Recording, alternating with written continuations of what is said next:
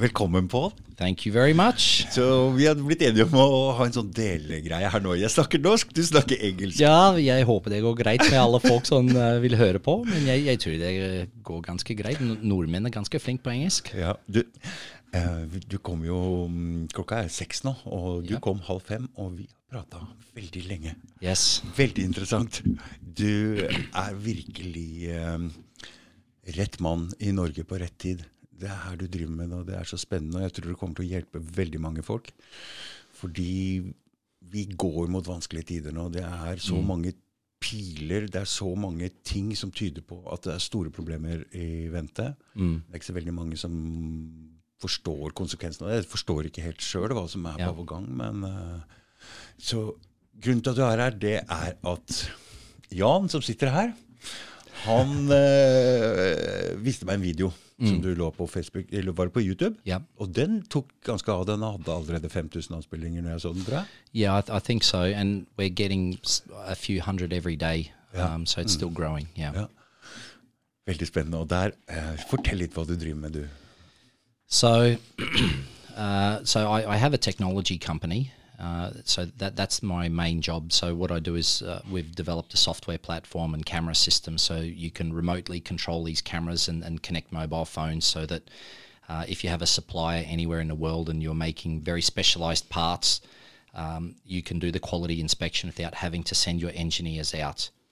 And you know, we we started working on that in 2017 before COVID happened and you know I uh, I, felt that I, I had to do this. Um, and, and we spoke about this before the, the podcast. You know, mm-hmm. um, I, I, felt it very much on my heart that that um, it was the concept of Hans Nielsen Hauge that it, it's a, it, it's a, a tragedy that I see in Norway that the fire in people's hearts has gone out that people don't want to take a chance, that the Viking spirit to go out and conquer new lands and take a risk and do these things that, that is in your blood, it's in your heritage, it's in your DNA.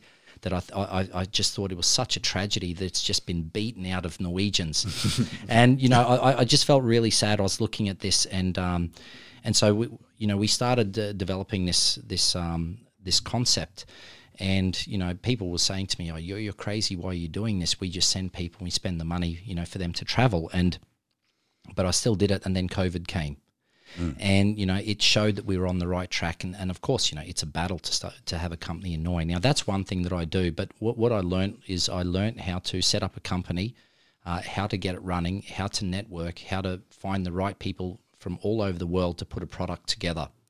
And uh, it, it really is a skill to have a look at the whole system, the supply chain, and the, and the project from start to finish. And um, so, you know, we, we even started to do the same thing also with um, with beredskap, like with preparedness. Mm. Because what I what I've seen in Norway is that um, Norwegians are very very smart people, but there is so much misinformation and there's so much information you have to go through that where do you start if you want to start taking care of your family, if you want to be prepared for what is coming. Mm. And this this is a challenge. How do you cut through the noise to find the truth? Mm. And and this is was at the heart of the conversation that we were having yeah, about yeah, the truth. Yeah, and um, so this is why I'm, I'm actually very excited to be here because I, I think, you know, I, I my wife said, oh, you, you, have to watch these podcasts. And of course, I work so much and I, I, didn't have the time to do it. But what I, I saw when I started to watch uh, is that I saw that you you have a, a, hunger for the truth, and I think that's one of the things that your listeners also have in common, which mm. is why they enjoy your podcast mm. because they want to find the truth. Yeah. And so, so this is it with the preparedness, and and this was one of the things that when I shot the video, um, you know, I'd I'd been you know, and I may as well get it over now. I, am a Christian. I'm a personal Christian. So I was praying that the day before because I could see the danger that Norway is in. Now I've done projects for Norges Bondelag and and I've worked in all different kinds of projects, and I I can see the risk that Norway is in right now. And I've been trying to wake people up. And I woke up that morning and and I just had it on my heart like you know, you have to tell people the truth. You have to do this, even if it means you'll lose your friends and, and people will think that you're crazy, but you have to do this. So I went out in the forest and I just, I prayed before I did it and I said, right, okay, now I just have to do it. And I just, I, I just had to give that message to Norwegians. Look, you have to start preparing. You don't have the time to waste. Mm. We should have been doing this five years ago. We are, we are on the doorstep. The government is not coming to help us. They can't. They're telling us every few weeks. They're saying you have to be prepared. We can't come and help you. So that that was the background of, of the video that I um, that I put out there, which which you have seen. So Because in Norway we we have Ok, nå snakker jeg. ok, jeg kan snakke norsk. Men uh, i Norge så har vi jo vinter. Ikke sant? Det er vanskelig å selvberge seg her i Norge Ja. fra før. Og beredskapslagrene har altså de kornlagre og sånn, det har blitt borte. ja, Og de, de begynner å prate om det nå. Det er altfor seint. ja, Og når vi ser konflikten i Ukraina nå, som er egentlig en stor del av Europas kornkammer, de stenger det. Og allerede før de, konflikten i Ja. Ukraina, så har, vi jo, har jo jeg skjønt at det kommer til å bli vanskelig. Ja. Well, it's even more complicated than that because what's been happening right now, while the attention's been diverted on the conflict in Ukraine, grain ships have been smuggling the grain out of Ukraine, and no one seems to know where that grain is going. Ok.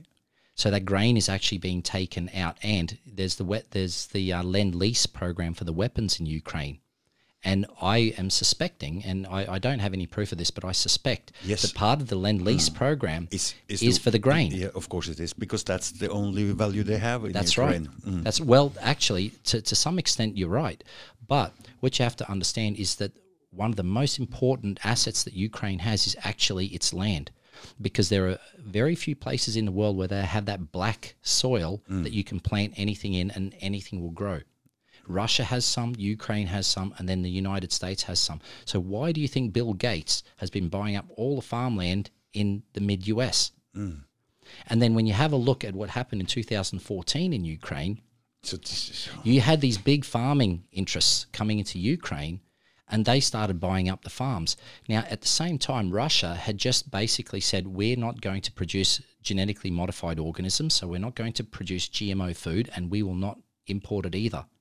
And then these big organizations signed agreements with Ukraine where they started to produce GMO foods in Ukraine. Now, I'm going to drop into a bit of a conspiracy um, theory hole here, but I, I received information from from a Christian uh, friend of mine. He works with someone who's who who is um, who has a contact in in Ukraine, and when Russia first came in as part of this military operation, they started destroying the crops in Ukraine and on the other side, close to the border in Russia, and these crops were being destroyed under armed guard. So the question is, why are they destroying the food in Ukraine on the border of Russia? Now, if I had to guess, I would suspect that this is possibly because of cross contamination with genetically modified organisms. Because many of these organisms that are being produced by Monsanto and these kind of companies, they have a suicide gene. So when the seed reaches a certain age, it will not germinate uh, because that gene turns the seed off. yeah. But the risk is if that cross pollinates with mm. the other grain supplies and soy and corn and mm, everything mm, like that, then you will sterilize the entire food supply of Europe. Because they, you have to buy new. That's right. That's right. So this war in Ukraine, I don't feel that it's really about Nazism. I think it's about basically having food on the table. I think that that's really at the heart of this war. So you know, it's it's it's the sleight of hand. You know, it, it's when you have a look at the magician and the magician says, "Oh, here I've got these cards and I've got this hat," and then his beautiful assistant comes. Well, in this case, a beautiful assistant is war, and the sleight of hand is basically the the, the switch of power of who is controlling the food supply for the world. Mm. And this battle is over the food supply of the world because Russia is, is now one of the largest grain producers and suppliers to the whole world. And you know, when I put that video together, I, I don't think that people are panicking, um, or they're not they're not planning and and actually acting anywhere near as much as they should be. And to me, you know, if if I had to if I had to say, you know, to encourage people who are listening to be anything, I would say that you should be absolutely driven to take responsibility for your own life and your own family. This is what I encourage everyone who's listening to do. You know, for the men, look, we, we are we are the, the men in our homes. We we are we are the guardians of our mm. families. Mm. If we don't do this job, who will do it for us? And for the women that are listening to this, look, you may be married to a man that is not preparing, but that doesn't give you an excuse to sit on your hands and not prepare because you have a family to feed. And you can convince your husband or, or, or you know, who you, the person you're living with through your actions to actually be prepared as well because no one is coming in on a white horse to save us. And this is one of the reasons why, you know, I, I talk to people all the time that it's about community. I'm not a believer in the preparedness community where you've got the lone wolf. You know, the guy that goes out this bug out bag into the forest and he thinks he's going to live there, you know, on his own. It doesn't work that way. It is based on communities. Every time, and I used to be a fireman in Australia, I've been through emergencies and, and I've seen disasters. The people who do the best are those people who are part of an active and prepared community. Those people who are alone, we used to zip them up into bags. That's how it works. That is the harsh reality and how it works in real life. And this is why I put that video out there and I thought, oh, should I really do this? And I was thinking, you know, the few friends that I have after COVID are going, are going to forget who I am and they'll be deleting me off their phone and, you know, I'll be getting, I'll be trying to ring them and I won't be able to ring through. But, you know, I'm hoping, you know, and, and I, like I said, you know, I prayed on the way in here and I, I was just praying saying, you know, I really hope this message resonates with those people who are sitting on the fence because you don't have time to waste. You don't have, look, it might be in a year, it might be in two years. And some and a lot of people ask me all the time, they say, Look, when do you think it's going to happen, Paul? Because you've got massive network and people are feeding you information. Mm. I am far less interested about when it's going to happen, and I'm much more interested about how fast it can happen. Mm. And I give people this story. I say, look, if you're driving a car, you know, you will never know when the accident is going to happen. But what you need to know is it can happen in an instant. And that's why you're wearing your seatbelt. And all of us wear a seatbelt. Yeah. You know, we're not conspiracy theorists because we wear a seatbelt. We're not conspiracy theorists because we lock the door on our car when we park it in the car park. That doesn't make us conspiracy theorists. It makes us wise because we know how quickly the wrong thing can happen. And this is what I'm saying to people in, you know, I'm I'm not a prepper. I'm just a guy who's trying to be wise with the time and the resources that I have. Because prep is a cool word, but that's not who we are. We're just people who want to take care of our family. So I don't prepare out of fear of, of what I don't know. I prepare because I love my community. I love Norway. I love my family and I want to take care of all of them. And that's what drives me. That's why, you know, even though people laugh at me and they didn't want anything to do with me during COVID and all of that, I don't care. Because if you really love the people that you're trying to serve, even if they laugh at you and ridicule, it won't matter because your heart's in the right place and that's what will motivate you. It won't be fear. Fear is not strong enough to motivate you until you reach the end goal. But when you love a person, that is more than powerful enough to get you to that point and over. So that that's what drove me in the video. Sorry, uh, No, I went on a rant, but that's no, what that, that- that's what drove that's me to put that video together. Yeah. Yeah, that's beautiful, Paul. I like it. I think it's best that you uh, I feel- Jeg snakker norsk, jeg, men Ja. det er best at du snakker i engelsk. Du er mye mer eh, Når du får lov Ja, å snakke- tusen takk. Når du snakker på ditt eget språk, så er det mye Ja. lettere for deg å komme mer sterkere fram. Så det er I sound more educated this way. Yeah. But but what was it that resonated with you? Tine. Ja, vær så god. Vær så god. So so what was it that that um that resonated with you in that video when you saw it? I just heard it when I heard your voice and your energy that this is something.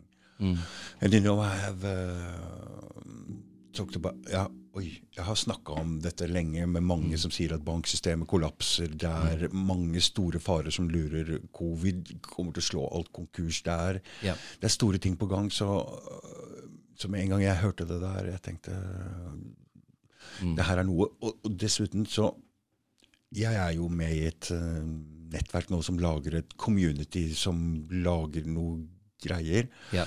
Og med, så vi trenger deg. Eh, jeg ser med de, de egenskapene og alt det du kan. Du har masse verksted, du kan mange ting. Du er absolutt en asset uh, her nå.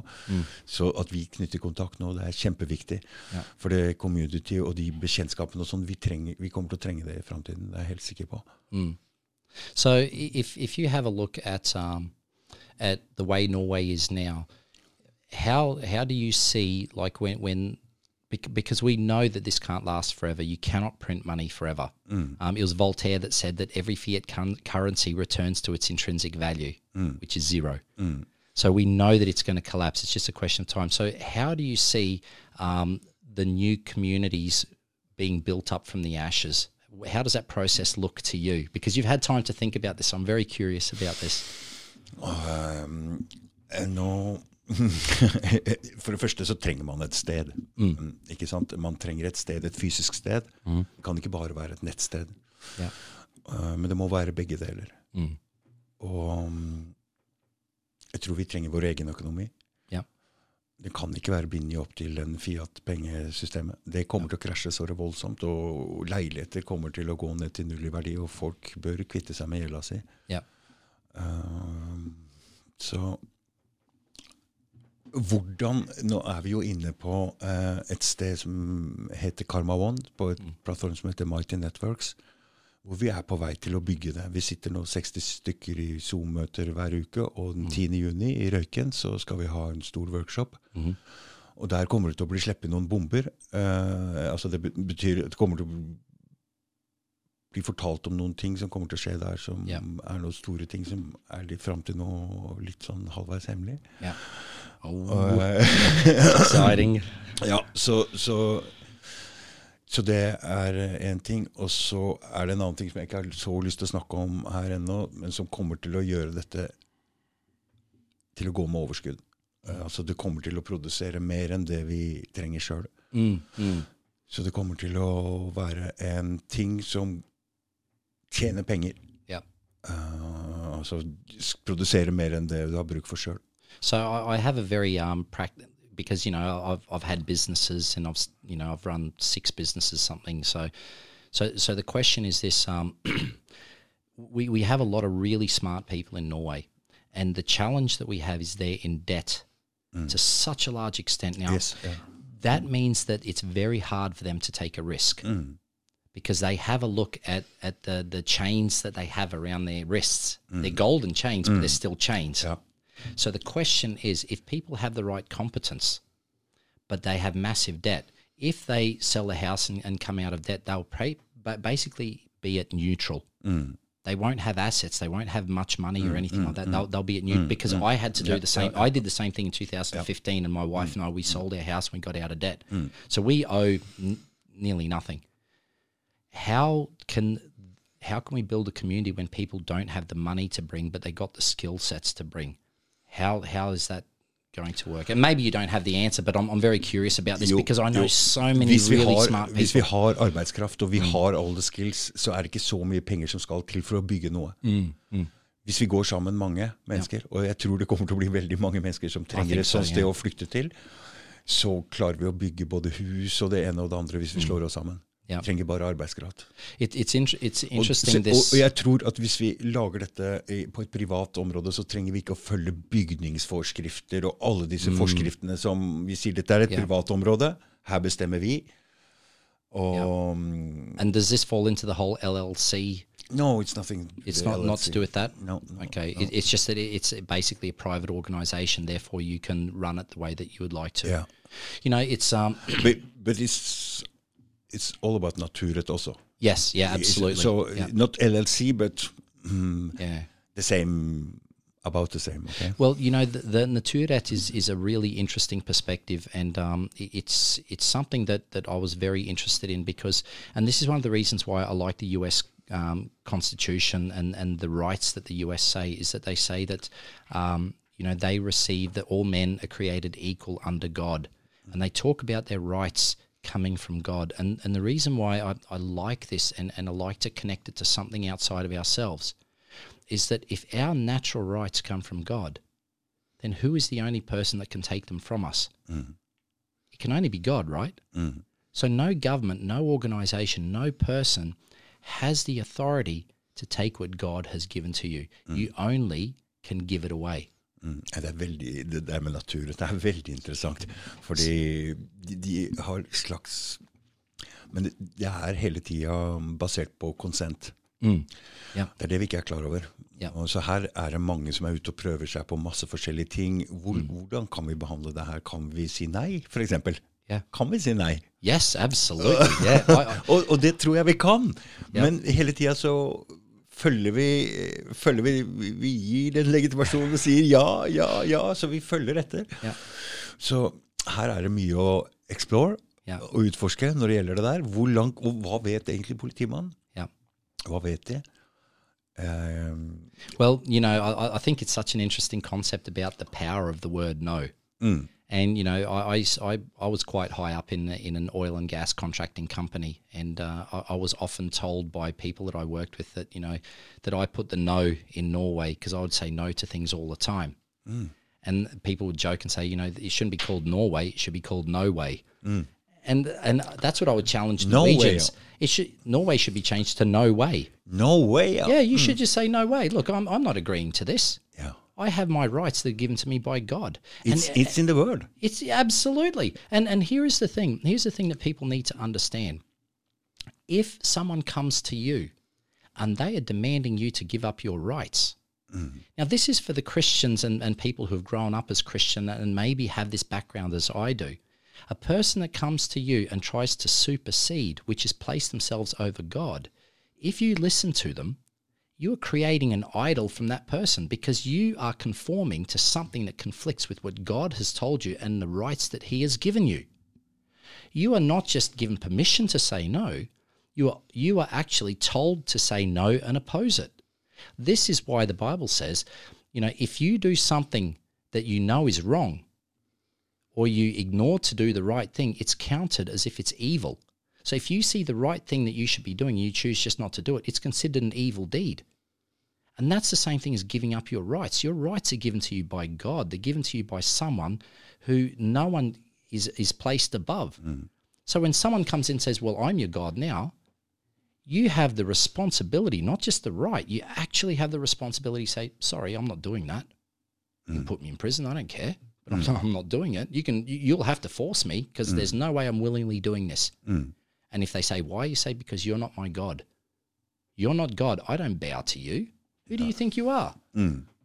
And this is the attitude that we have. This is how you claw back your rights from those people who've elevated themselves above God.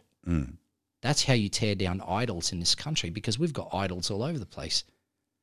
And that's how you get the land back. Så det å være kristen, det harmonerer veldig mye med det med naturrett. Det er den samme ting, for de, de har egentlig sagt at Gud har lagd alt. eh, Gud bestemmer alt, men siden Gud ikke er her, så, så bestemmer jeg så lenge. Det er jo det de har sagt. Og det er der de henter autoriteten sin fra, egentlig både lovsystemet og staten og alt sammen. Og kongen, ikke sant?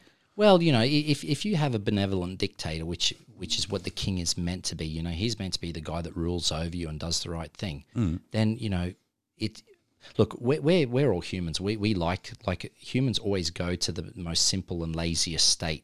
So if we know the king's good, we go, "Oh, okay, we'll just do what the king says. If we mm. don't have to mm. think for ourselves, we're happy. yeah, yeah. You know, like the man with his feet up and watching TV with a beer in his hand and a packet of chips. You know, he doesn't want to think about anything. But that time has passed mm. because we have leaders and we have people who are pushing us in a direction that is not right for us. And if we don't if we don't say, look, no, sorry, I don't agree with this, then what we're doing is we're stealing the future from our children, our grandchildren, our great great grandchildren, and we're giving it to people who don't deserve it. And we're we're literally engaged in evil activities because we refuse to do what we know is right. And I would challenge anyone listening to this podcast if you look at the world today, if you look at what's happening in Norway, and you just stop and you really think about it deep, deep down in your heart, you know that it's not right. And you feel that you should be doing something. Everyone knows that, even those people that think that we're crazy conspiracy theorists. When they really sit down and look at the world that we have now and how Norway was 60 years ago, where you stopped into your neighbour's place and they had dinner on the table and they said, Come and join us. And you came with all the kids and you sat down and ate together. Because people tell me this all the time oh, you know, Norway used to be like this. Hmm. Don't you want that Norway back? Hmm. Don't you want that country back? Mm. Who took that country from you? No one took it from you. You gave it away. Yeah. You have the responsibility to take it back so that your kids can enjoy that life. Mm. And if if we don't do it, who will do it? The state? The state aren't going to do it. They're the ones that are taking it away. Ja. That comes down to me, and that and you know what I, I love about Norwegians is that I can speak like this, and the Norwegians listen. But if mm. a Norwegian says the same things that I'm listening to, they'll get beat over the head with a bat. because Norwegians, uh, you know, it's the whole janteloven thing. You you cannot speak up. Well, I'm a foreigner. Mm. I came to this country and mm. I chose to stay here. And, you know, I wasn't born here. This wasn't my home country. Mm. I have another country that I can go to. I chose to make this my home. You guys are my family. I chose you. I wasn't I wasn't born here with no choice. I came here and I chose you guys as my people. I made a choice to represent you guys, whether people like it or not, and whether they hate me or laugh at me and ridicule me. You're my people now. Men det er Så- sant. Det er helt sant So people can be angry at me, but too bad. This is my country. You guys are my people. I'm going to take care of you. And so, and I want, I want a future for my kids. I want a future for your kids. And if that means that I have to lay, you know, if I have to die on this hill, then I die on this hill. It's a mm. hill worth dying on. Mm. And and this is this is why you know I, I have you know I, I have my faith in, in, in Christ and, and I live the life as a Christian, because the point of being a Christian is when I was baptized in water, that was the point where I died. I died when I got baptized when I was eighteen. My life is not my own. My life now belongs to you know to Christ who I serve and to those people who I am commanded to love, and that includes you. Du ha. But that's but that's Yeah, how yeah, it is, yeah, and that's why I I'm not I'm not afraid of what's going to happen to me and everything because I died when I was baptized. My life is not my own. I'm on a mission, and I'll fulfill that mission to the to the best of my ability for as long as I have breath in my lungs. Mm. And and this is like people have to make up their mind what they're going to do, and they have to stick to it. You have to live to your convictions, otherwise, it's counted as evil. Mm. And that's that's what the way that I see it. Yeah. Det er ganske harde I don't make friends by talking like this. I lose far more friends when I say this kind of stuff than I make. But you know, we, we have to have this conviction. Is Norway worth fighting for? Fordi de selger av gårde. Yeah. De selger rubbel og bit. Yeah. Yeah. Og vi får det stadig, stadig dårligere og dårligere her. Yeah. and and who who is going to fight if we don't? Who who is going to stand up and say no? We're, we're not we're not taking this. Who is going to start the businesses? You know, and, and this, this is one of the things that I see. I, I see a lot of times these small businesses that are struggling, and everyone's like, "Oh, well, you know, I can say, f- you know, femty öre to go and buy it here on online." And why are you doing that? Don't you want to defend the small business that's hiring people that when your kids are old enough to need a part time job, they're going to work at that business? Mm. We've got a responsibility to take care of each other. That means sacrifice. If everyone's only interested in what they can take out, what is left at the end is a burned out husk. There's nothing of value that is left because everyone only wants to take out and no one wants to put back in. Mm, men det er også en ting vi snakker om i det community her. Vi er nødt til å putte noe inn også. Yeah. Vi kan ikke ta ut alt av verdi hele tiden sjøl. Så det er nødt til å være en voksende greie som vi putter litt inn også. Så kan yeah. vi ta ut noe. But how did how did this happen? Because I'm, I'm I'm really curious about um, because you know I'm I'm I'm in touch with uh, Gertrud Røyland and, and she started the Binders group and and uh, Hogner and, and lots of these other people that, that were involved in this, and it seems like th- there's nearly been a um like a spiritual awakening, like a like a a um like a revival of sorts in Norway when all of a sudden because I never expected There's no that doubt about it. It's, how uh, how is how did that happen with you guys? I'm curious about this story because it seems like it's happening in parallel in lots of circles now. Oh, with me personally, it all started with after 9/11. So um, it was a real awakening on the in, on the internet, um, both uh, in the conspiracy world and and also in, on the inside. For you privately, Yeah, but I was looking for. I had two maps, uh, one with conspiracies and one with, which I called enlightenment. yeah, So understand what what this is really inside. And, Nei, jeg snakker ikke snakke engelsk, det er så flaut. Nei, men det, det, det er veldig bra. Så det, det starta sånn, og så har det bare ligget ligge, ligge der en stund. Du kan ikke drive med det der hele tiden.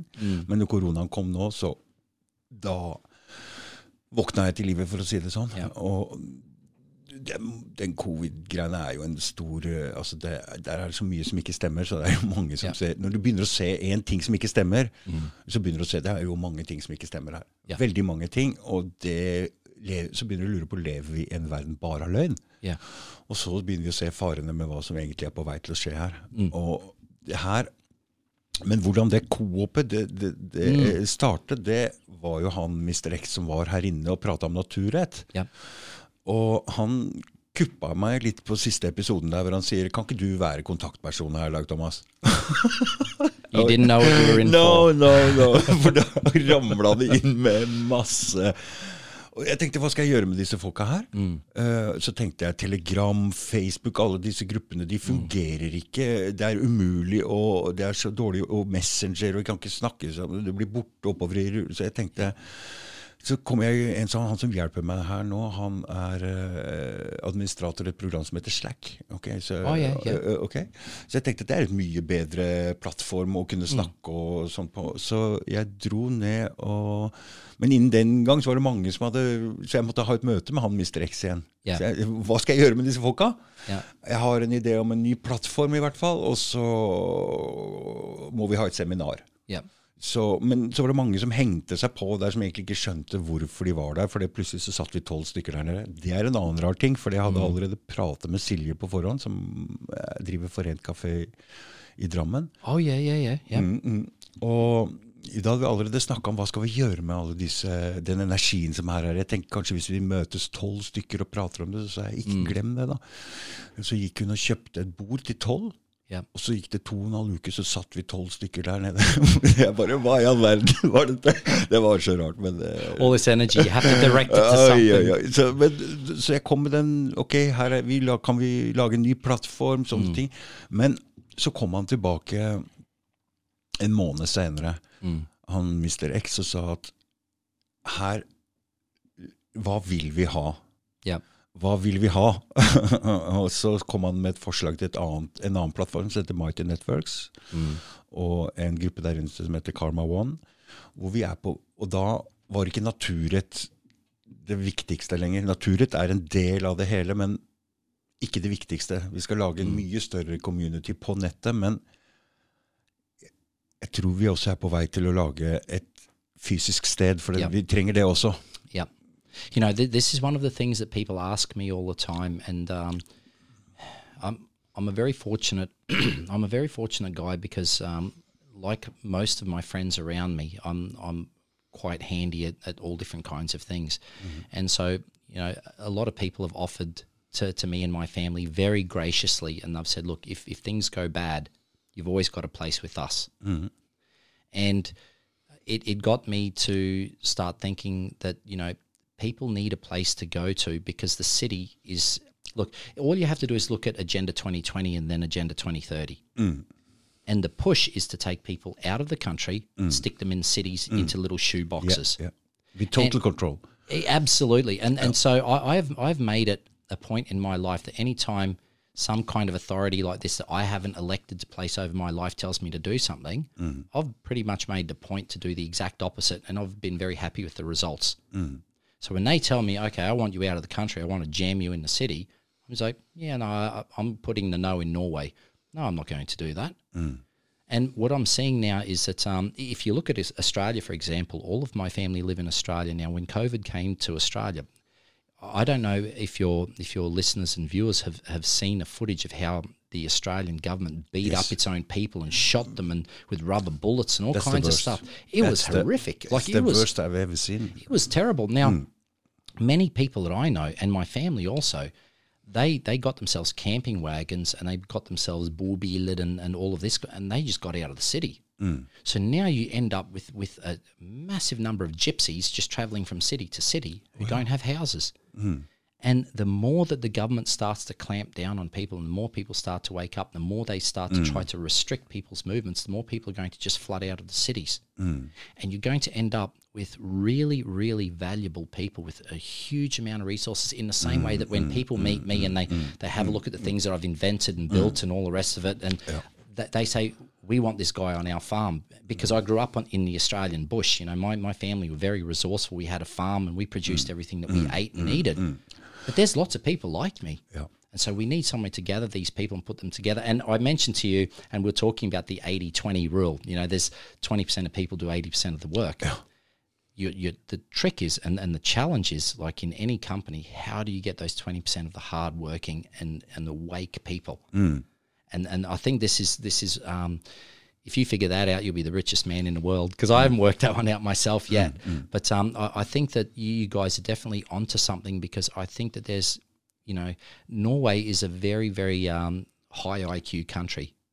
You know, the average Norwegian's running an IQ of 105 and uh, possibly even higher. Okay. So it means that Norwegians are actually extremely intelligent, and you had to be because your winters are long. Mm, Dumb people starve to death. Ja, ja. And that's reality. So you've got a lot of really bright, experienced people. They're going to come out with just the clothes on their back. So if there's a way to integrate them into this society, man, you guys, you guys are going to just, it'll explode. Jeg veit at det er allerede et sted som er blitt titta på. ok? Og det er et stort sted. Ja. Det ligger sentralt her på Østlandet. Yeah. Og mm, hvis vi klarer å få det til ett sted, Yeah. og jeg veit at det finnes oppfinnelser her nå som gjør at dette kommer til å bli kjempebra, Mm. så kan det utvides. Ja. Men det trengs en stor investering ja. uh, til å begynne med. Men jeg tror allerede er på plass. Ja. Uten at jeg skal si så jævlig mye om det. Nei, nei, og, da, og, og, da, og da begynner folk å bli veldig mistenksomme. For det, det som er problemet i vår uh, uh, Kan du si Blant våre folk, da. Yeah. At vi er grunnleggende mistenksomme mot stat, men også har en grunnleggende mistenksomhet mot alle. Det, og det er sunt. Yeah. Det som er problemet, er at det er veldig lett å kaste eh, mistenksomhet mot hverandre, og splittelse. Det er det jeg ser er den store faren. Men hvis ikke vi kan vise hverandre tillit, hvordan skal vi få til noen ting da? Og hva har vi å tape? Ingenting! Ok? Så nå må folk slutte We have nothing now. Nei. Where where we're going is only going to be a bonus if we can manage to get to put that energy into a direction. Look, I was um, it was on. Og Derfor så trenger vi sånne folk som deg, Pål, for jeg ser at du er en Jeg hører på måten du snakker på. Jeg hører Du har en kraft. Du har en uh, superbra energi. Du er en folk, som- type som folk er lett for å høre på. En samlingsfigur, enten du liker eller ikke. Det har du. Så I was hoping that uh, I, I could dodge this bullet. But, No, uh, no, no, no, no. We need that. So it's, uh, it's uh, that's your purpose there.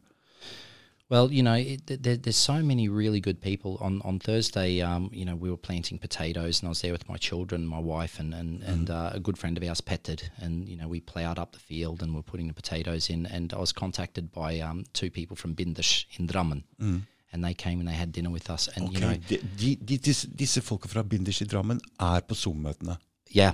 But you know the the same thing that we're talking about now. This was the exact same conversation we had then, talking about the communities and how to set the community up. And you know we were we were talking about some of the dangers. And uh, sometimes I think that you know that the the Norwegians and the Australians were were basically just separated at birth because we're very similar people.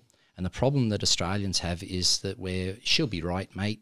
And it's the same thing as Norwegians. Det går bra, ta det med ro, slapp av and we have meetings about everything. But to get that energy and to get it moving, this is always the challenge. Mm. And so, you know, I, I think that if if we find a way of harnessing this energy and we set up with the milestones and say, okay, look, by this time, this is what we need to have done. By this time, this is what we need to have done. Because one of the problems that we that we run into in modern society is we've been indoctrinated into thinking that voting changes things No, it doesn't. it doesn't change anything because you vote on something, but then the work has to be done, and someone has to do it. And the problem is, is that you know a lot of times you have these meetings, we vote, and we've got committees, but at the end of the day, someone has to pull that plough along. We don't need a the meeting people anymore. No, no, we, we don't. The, the time for that is gone. Ja.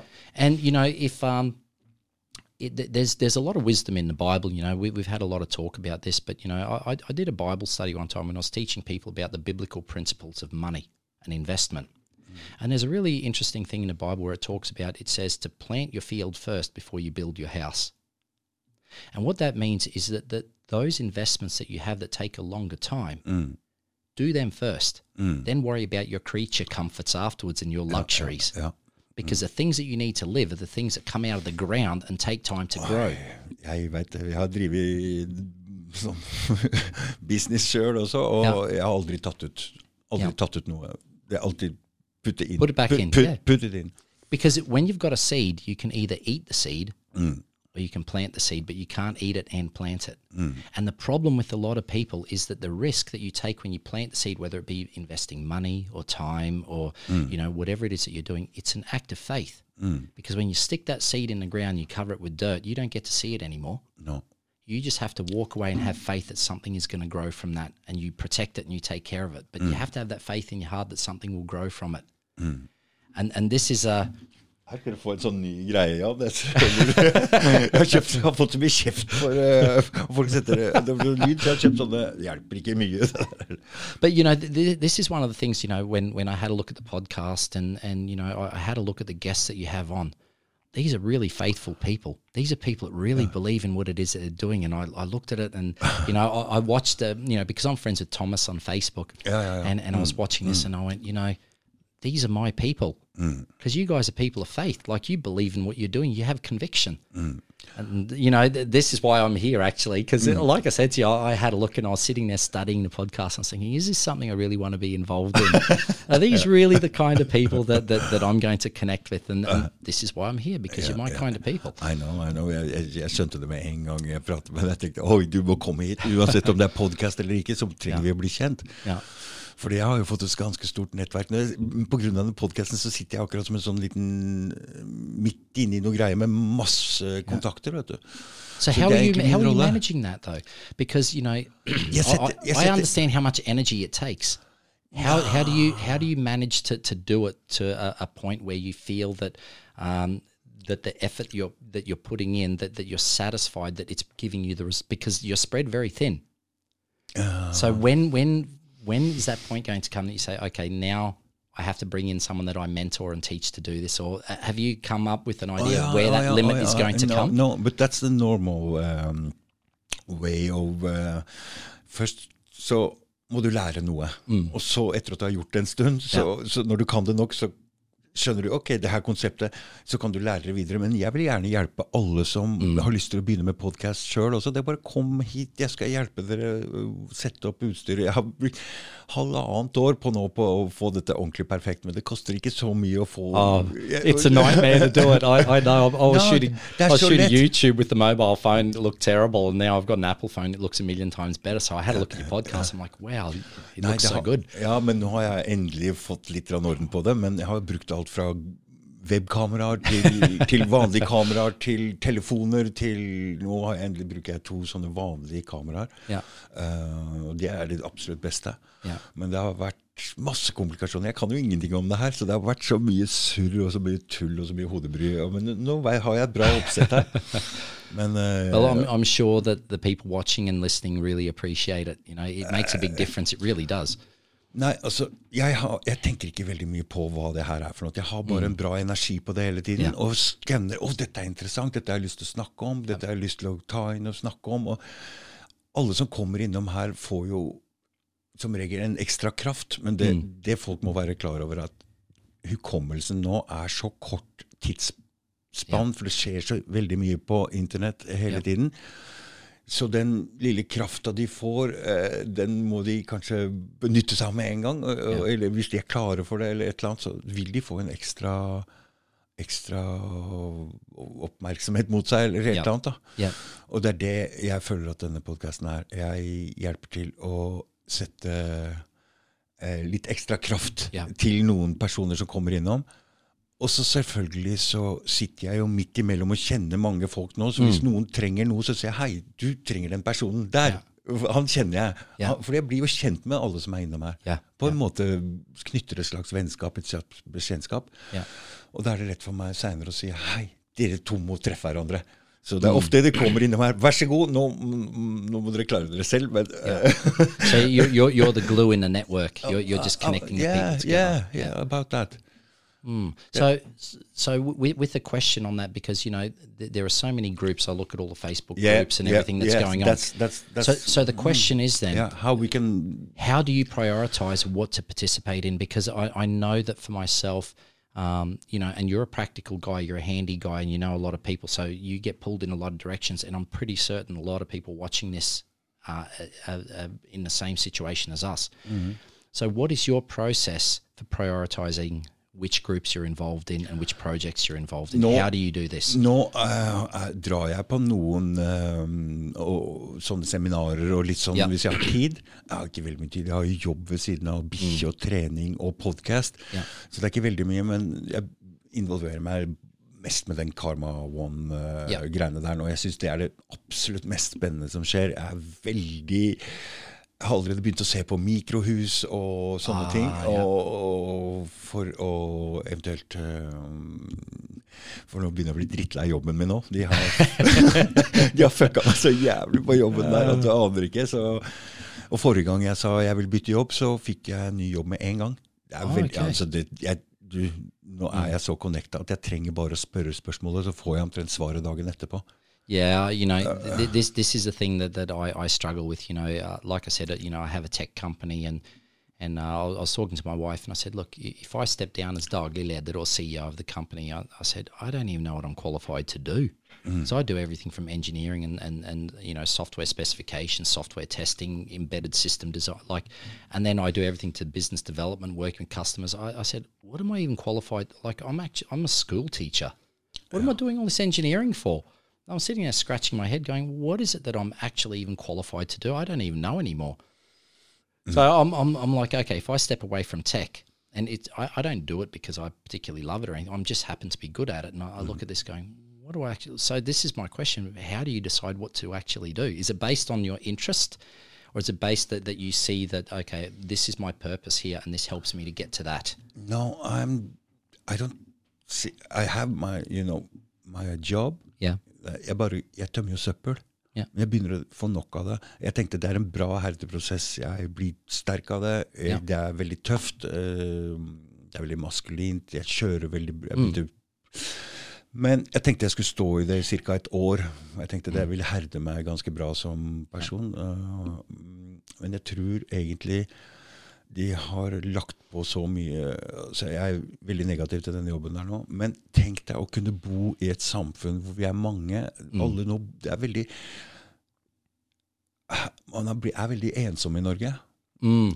Ikke mhm. sant? Yes, Fordi på grunn av vinter, på grunn av, det er veldig dyrt å gå ut uh, yep. uh, på kafé. Altså er, vi treffer hverandre ikke veldig mye, men tenk å kunne bo i et samfunn.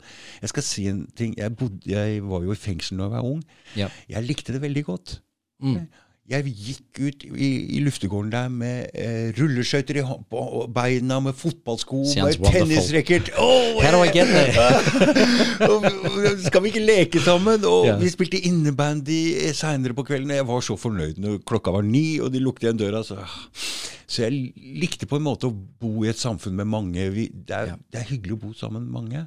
Yeah. Så jeg vil gjerne ha det igjen. Og hvis vi i tillegg kan kunne leve av det, Yeah. og finne noe sammen, og endelig så er det må være målet med livet. Det hadde vært så But you know, you, kult. you're not alone there. When, when I first moved to Norway, um, you know, it, it was because my mother-in-law she had throat cancer, and I, I just gotten into the fire brigade and the emergency services in Australia. And they say in Australia, um, you can either win the lotto or you can become a fireman. Yeah. So being a fireman was even better than winning the lotto. It's a mm. fantastic job, or at mm. least it was then, and, and a lot of respect. So when I stepped away from that job and the camaraderie, you know, mm. that, that I'm there with the guys and you get to know, and you don't have to like the people, but you lay your life down for them.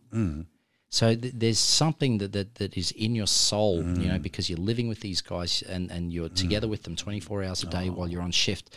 And that was one of the things, you know, when, when I left the fire brigade, that was probably the thing that grieved me. You know, like I was mourning when I left that job and I came to Norway and I realized that my mother in law still hadn't gotten over her illness. And, you know, we thought she was going to pass away. So I was left with a choice that either I'd have to leave my wife and daughter here to still be, you know, taking care of her and go back to Australia. And, um, you know, my family had been through this before when my grandfather was ill and my mother went to Canada to take care of him and my father didn't, didn't travel out with them. And I, I think that that caused some issues in our family and I didn't want that to happen with my family. So I was left with the choice. Do I stick with the job and everything that I loved about it and go back to Australia and leave my wife and my daughter behind?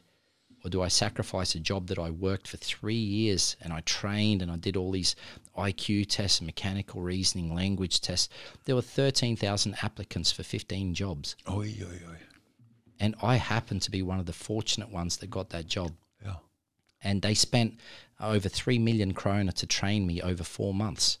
You imagine how much money and effort and everything that they invested in, and I walked away from that. And I, you know, that was one of the things that I always grieved. And if I think about what it is that I missed, I think it's the same thing that you're talking about. It's that camaraderie. It, It's mm. that masculinity, at least at that point, it was celebrated. It was seen as a positive thing. Mm. You know, men willing to lay down their life and take care of their community and mm. take care of those who are weaker. Mm. This was encouraged. Like this was the ideal. We were the knights in shining armor.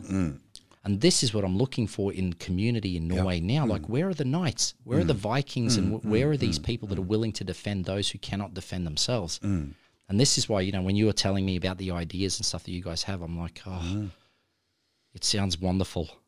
Is this really something that that's uh, that I can you know invest myself into? Because we've seen so many efforts now in Norway, and they get to a certain point and then they collapse. I know, I know.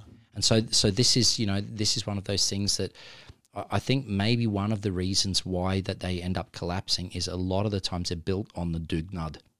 And the dugnad works for a little while, but it will never be a professional endeavor. It will never be self-sufficient based on the dugnad. Because it has to have that life of its own. It has to start producing more than you're putting into it. That's the Absolutely. challenge. That's that's that's the whole idea. That's the whole idea. Yeah. And we have that planned out. It's going to happen. I'm okay. very curious. it's going to happen, and I know why, but I don't want to talk about it just now because no. it's, it's not in the That- open yet, Yeah. and it's also a little bit dangerous to talk about. Yes. Okay. Yeah. Yeah. Yeah. I, I understand that. You know, if if I have a look at um, a, a lot of these these communities that seem to start off in the right direction, and all of a sudden they fall apart.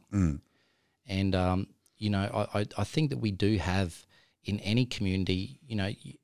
uh, What, what I try to do is, is I try to give people the benefit of the, of the doubt. You know, never never blame anything on evil that you could just blame on incompetence.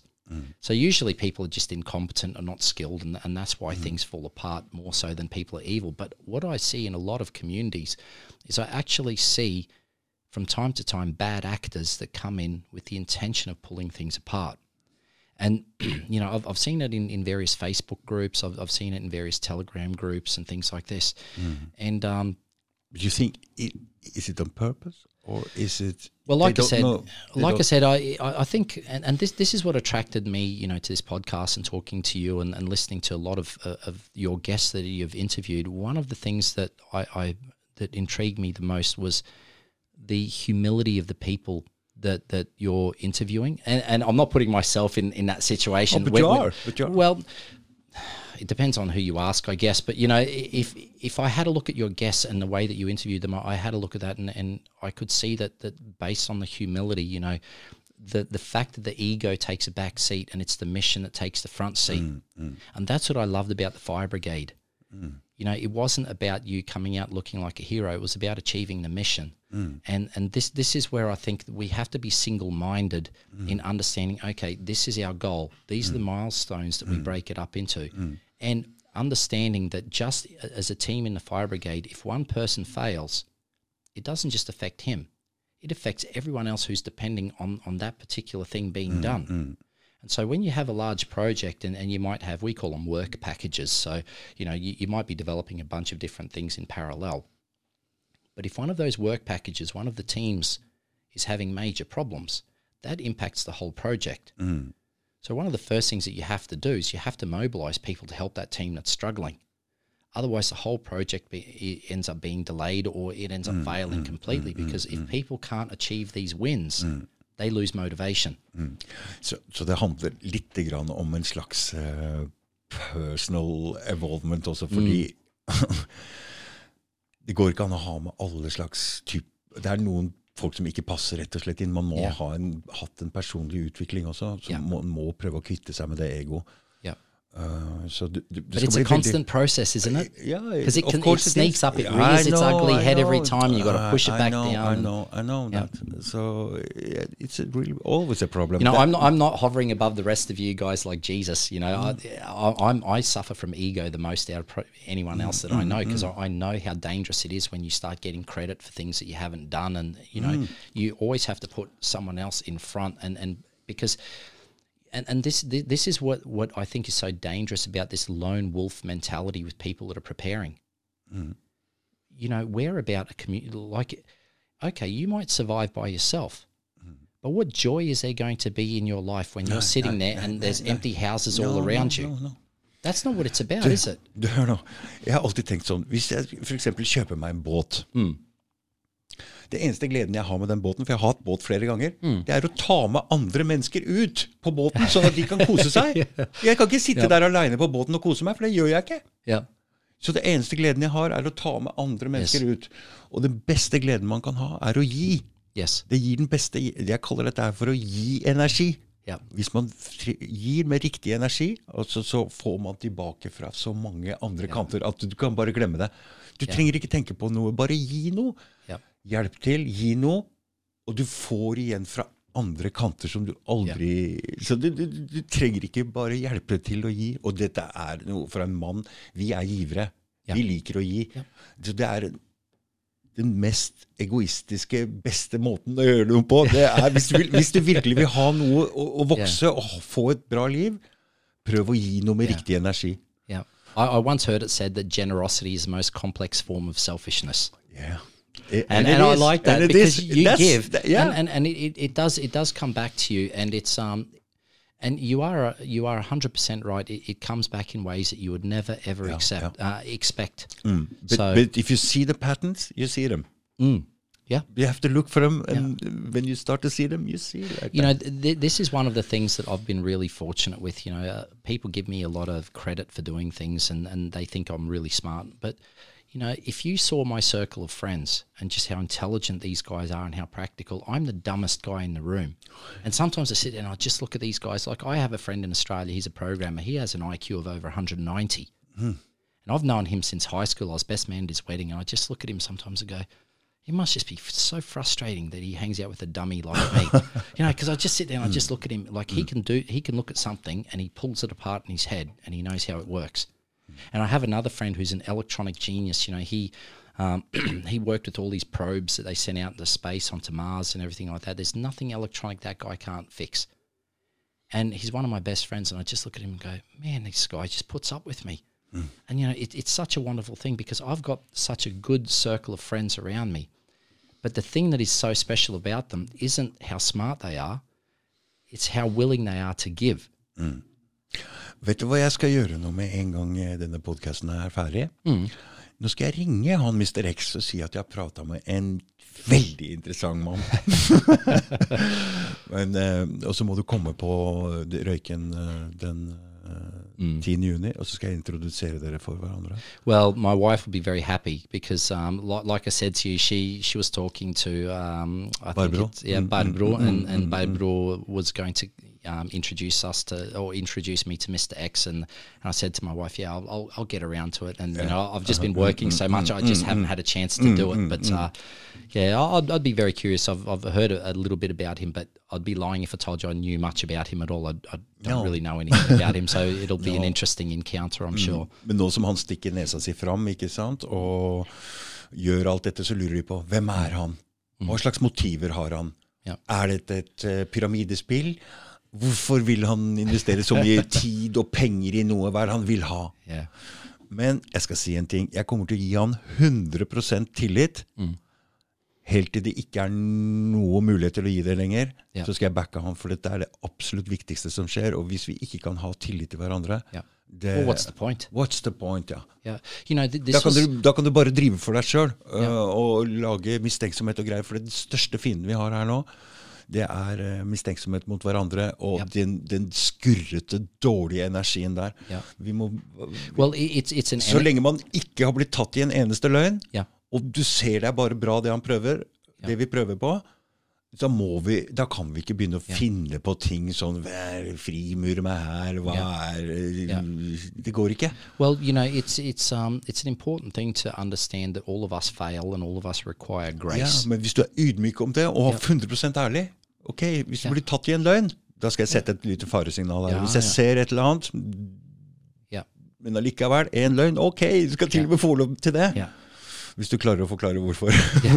well, you know, like like like we were talking about, you know, it's um the, the truth is is so critical, and Yeah. one one thing that impressed me when I first moved to Norway is just how finn.no worked, because I rang people and said, "Oh, I want to buy this," and they're like, "Okay, I'll hold it for you." Ja. And then I'd ring them and say, "Oh yeah, I'm, I'm coming out and just confirming I'm coming." And they're like, "Yeah, I, I told you I'd hold it for you." Mm. And then I'd go to pick it up, and the person's like, "Here you go," and I'm, I'd give them money, and they said, "Oh, I had 20 people ring me for this and offered me double. Mm. And, and I said to them, well, why didn't you take it? And they said, because I told you it was yours. Mm. I was nearly knocked over. That's that's very That important. doesn't happen in Australia. And you know what I found the difference was in Norway? That if you can do a deal and you can start working based on a handshake and your word, mm. you are so much more efficient. Now, look, I, I've done business with people in India. I've mm. worked with Indians and, and, and people from all over the world and Eastern Europe and Ukrainians and, and had bad experiences there. You need a contract that's 50 pages long and penalties and everything like that. And so all this energy goes into something that actually doesn't produce a thing. Mm. And it's just done to defend myself, and you write your part to defend you. And there's months and months of this back and forth, and it's time that's lost that could be put into hmm. something that is planting a seed and watching it grow. This stuff here just robs um, the whole system. And this is where, you know, I was saying we, we talk about life in Norway 60 years ago, and we say it was so wonderful back then. Hmm. It was wonderful because you could shake hands, hmm. then you just got to work. How do you think the North Sea was was set up to pull the oil out? It wasn't done with a million contracts back then. It was just a bunch of people that agreed that they were going to do something and they were faithful in executing what they said they would do. Mm. And people could trust each other. And this is where we got to get back to in the communities. Because all this time that's wasted with contracts and people being suspicious and all of this, like you lose so much time and energy on that that, that nothing gets done at the end of the day. Du, du skjønner det at jeg uh, har jo vært kriminell i mange, uh, mange år av mitt liv. Og der er det millionverdier som bare er med et håndtrykk, vær så god. Ja. Full tillit. Ja. Og det må være full tillit. Ja. Og det må ikke være løgn. Det må være komme og fortelle alt helt rolig, helt fint. Så i det kriminelle miljøet fins det faktisk ordentlige folk som Oh, I'm sure, yes. ikke sant? Så, så jeg er vant til egentlig å, handle på den måten. Yeah. At det du sier, sånn er det. Yeah. Og det er sånn det må være. Because it's life and death. Jeg, en, en, så du forstår eh, Så lenge men, men det har blitt korrumpert her når, når, når lovsystemet går i veien, og folk kan slå seg konkurs, og loven beskytter de som Ja. gjør det. Altså, det blir så dårlig. Altså, de beste folka jeg har møtt, egentlig, har faktisk vært i i den delen. Der finnes det alt fra de verste surrebukka, men det finnes ordentlige folk der som Ja. vi prater om penger og, og håndtrykk her, som er Yeah. Og det er ikke noe tull. But you know, the, Så jeg er vant til det, egentlig. but the thing about criminality, and, and this is something I've always found very interesting, the biggest criminals are, are never convicted. No. You know, people that we call criminals are usually people that just don't fit into the way that society has become. Og det jeg prater egentlig om, det er uh, eh, hasj, ikke sant, som egentlig ikke er eh, så veldig skadelig. Så hvis vi ser moralsk sett, så har det ikke vært så veldig skadelig. Ja. Og det er jo snart legalisert også. Ja. Så ja. Well, you know, I, I always, you know, when a person says to me, oh, I've got a criminal record, I've got this and I've got that, and I just say, well, you know what, Jesus Christ was a criminal, No. right? Ja. He was a rebel. Mm. They they criminalized what Jesus was doing. They crucified him. What was it that he hmm. did that was so criminal? He was telling the truth. Hmm. Hvis- Sometimes th- that's a criminal act. So just because a person's got a, a criminal record or they've done something, it doesn't mean that you know just a mistake that you've made in your life can follow you forever. But that doesn't mean that's who you are. A lot of times people say, you know, what do you do for a living? And what they're looking for me to say, or they say, what what do you do? What education do you have?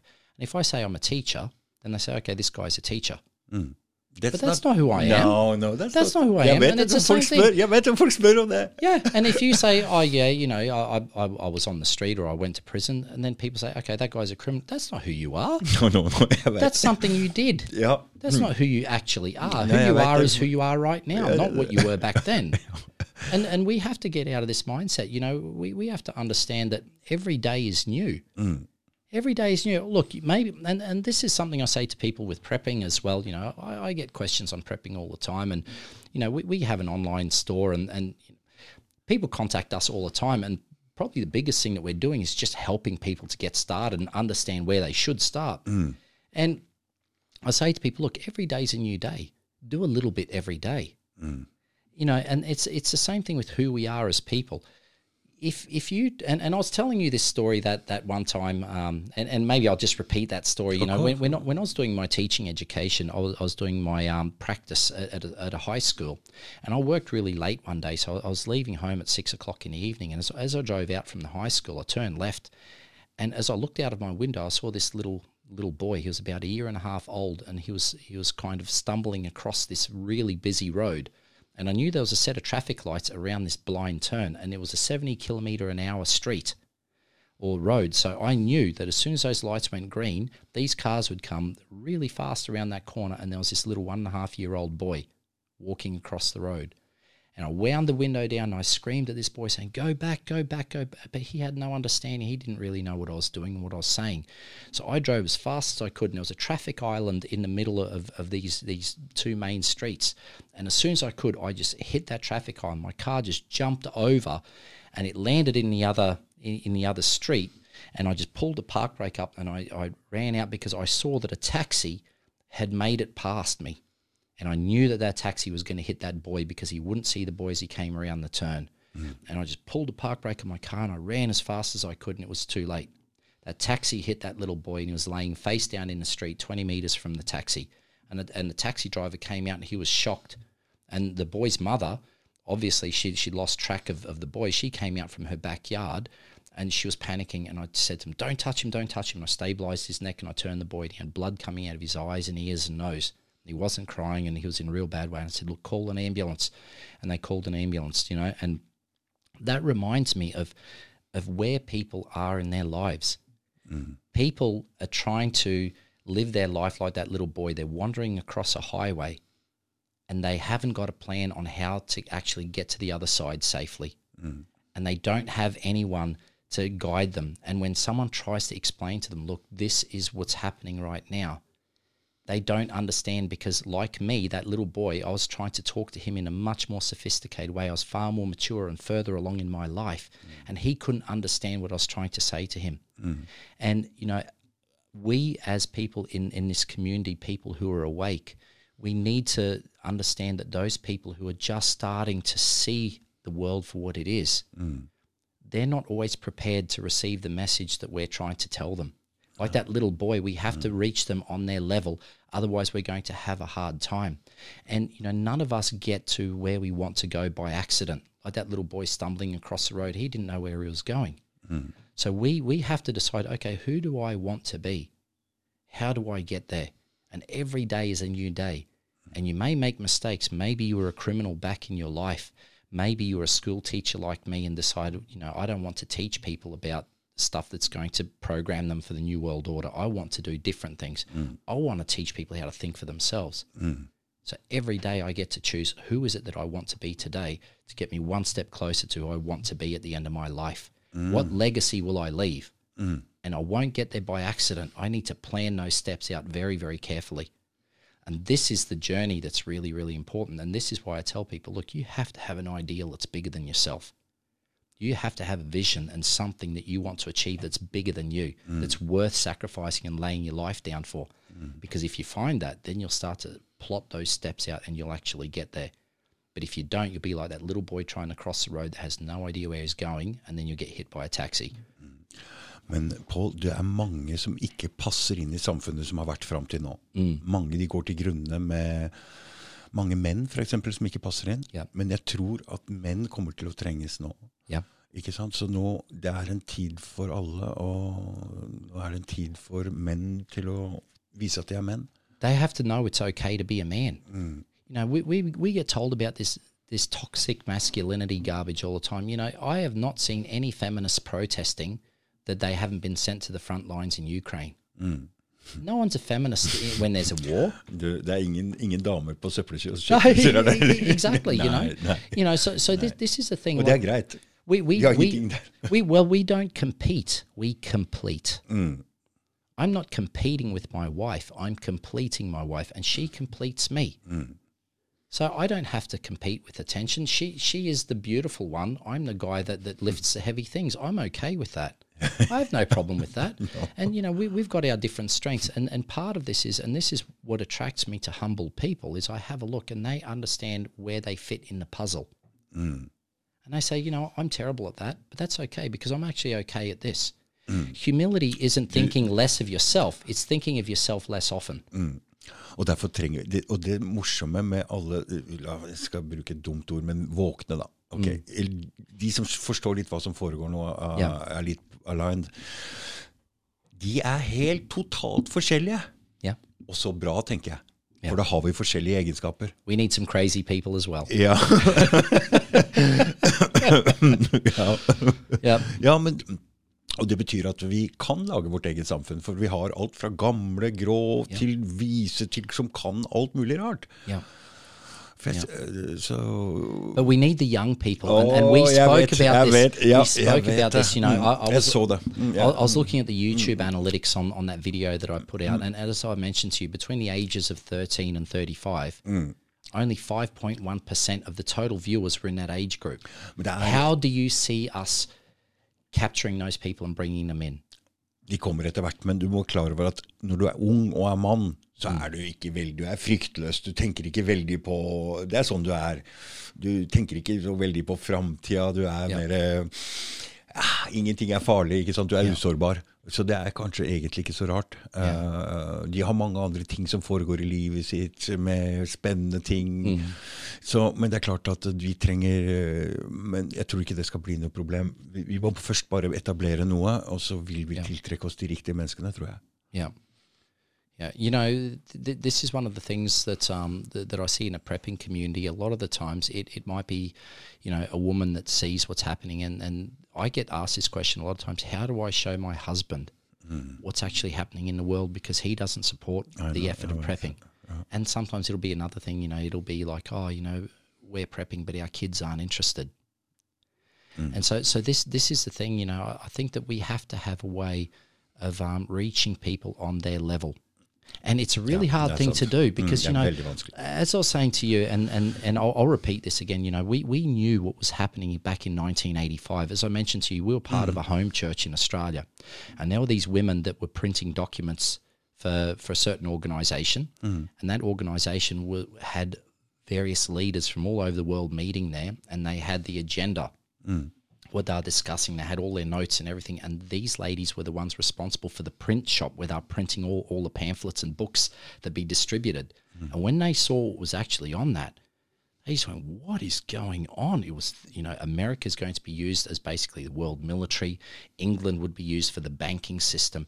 And it just split the world up. And it was it was really sinister, crazy stuff. Mm. It's the same stuff that World uh, Economic Forum's talking about. But back mm. then, 1985, this was revolutionary. And these women saw this and they went, oh, this is no good. So they printed out bunches of spare copies and they passed it out to us, you know. And my parents received copies of this stuff because we had a home church and people used to gather there. So we knew since 1985 about what was actually going to happen. Mm.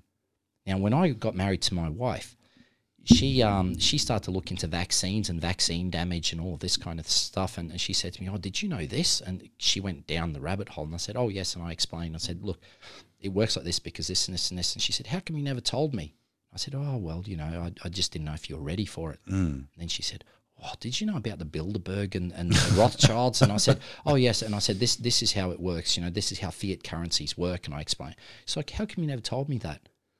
Well, I couldn't tell her this because you have to get to a certain point where you want the truth. Er And my uncle used to say to he had this poem that he used to tell me. He said, "A man convinced against his will is of the same opinion still."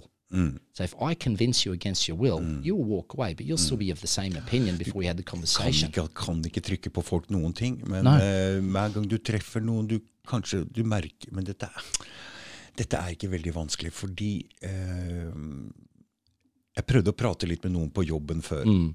Yeah, men når jeg merker at det er null interesse, yeah, så klarer jeg ikke å snakke. Ja. Det bare dør ut. Ja. Så jeg må ha den interessen for å kunne snakke. Og det er, det er bare der det går. Så det går helt naturlig, egentlig. Ja. Men da må man være på en naturlig balanse med seg sjøl, tror jeg. Eller man må klare å connecte med den personen Ja. man snakker med. For da vil man merke akkurat hvor interessen går. Merker Ja. du ingen interesse, så ro deg ned. Du kan ikke presse på folk til noe det her. Ja. Du kan kanskje dryppe et lite greie, sånn og sånn, men du kan godt vi vise hva, hva du hva du mener sjøl. Ja. Det har du lov å si. Men la det være med det. Jeg har jo en sønn på 30. Han hjelper meg litt på podkasten min, men jeg har aldri Han veit jo litt hva jeg mener om ting, men jeg, vil ikke, jeg vil ikke prate med han om sånne ting. Eh, yeah. Hvis han er nysgjerrig, han kommer til å spørre meg. Det nytter faktisk ikke. Det er, Yeah. eh, og det er ikke riktig heller, for du dytter bare folk fra deg. No, you're planting a seed, and you just have to wait. ja, Mm. vil, det siste jeg vil, er å dytte han fra meg. Yeah. Uh, og da vil jeg ikke heller uh, si Yeah. noen so, It's such a challenge though because you know Yeah, you, yeah, you yeah. love these people and you care for them and and the way that I see it a, a lot of times it's like surgery. You mm. know, if if you can do something preventative or you can do something over time, it's far less traumatic if a mm. person has more time to think about this and digest it. Mm. And one, and, and we spoke about this. You know, what I think is going to happen if we see an economic collapse, if if we see that you know the the um, U.S. dollar fall apart, the Norwegian kroner is directly connected to the U.S. dollar, Yes, yes. And all of a sudden these people who are very wealthy will end up with nothing. It'll be like the stock market crash that we saw in the U.S. in the mm. twenties. People jumped out the windows and killed themselves. Mm.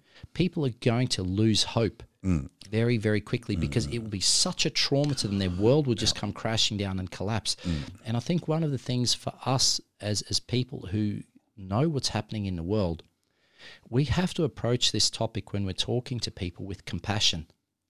Because what we're doing is we're ripping a person's illusion away, and the hmm. beautiful sugar coating of the world as they see it is being ripped hmm. away.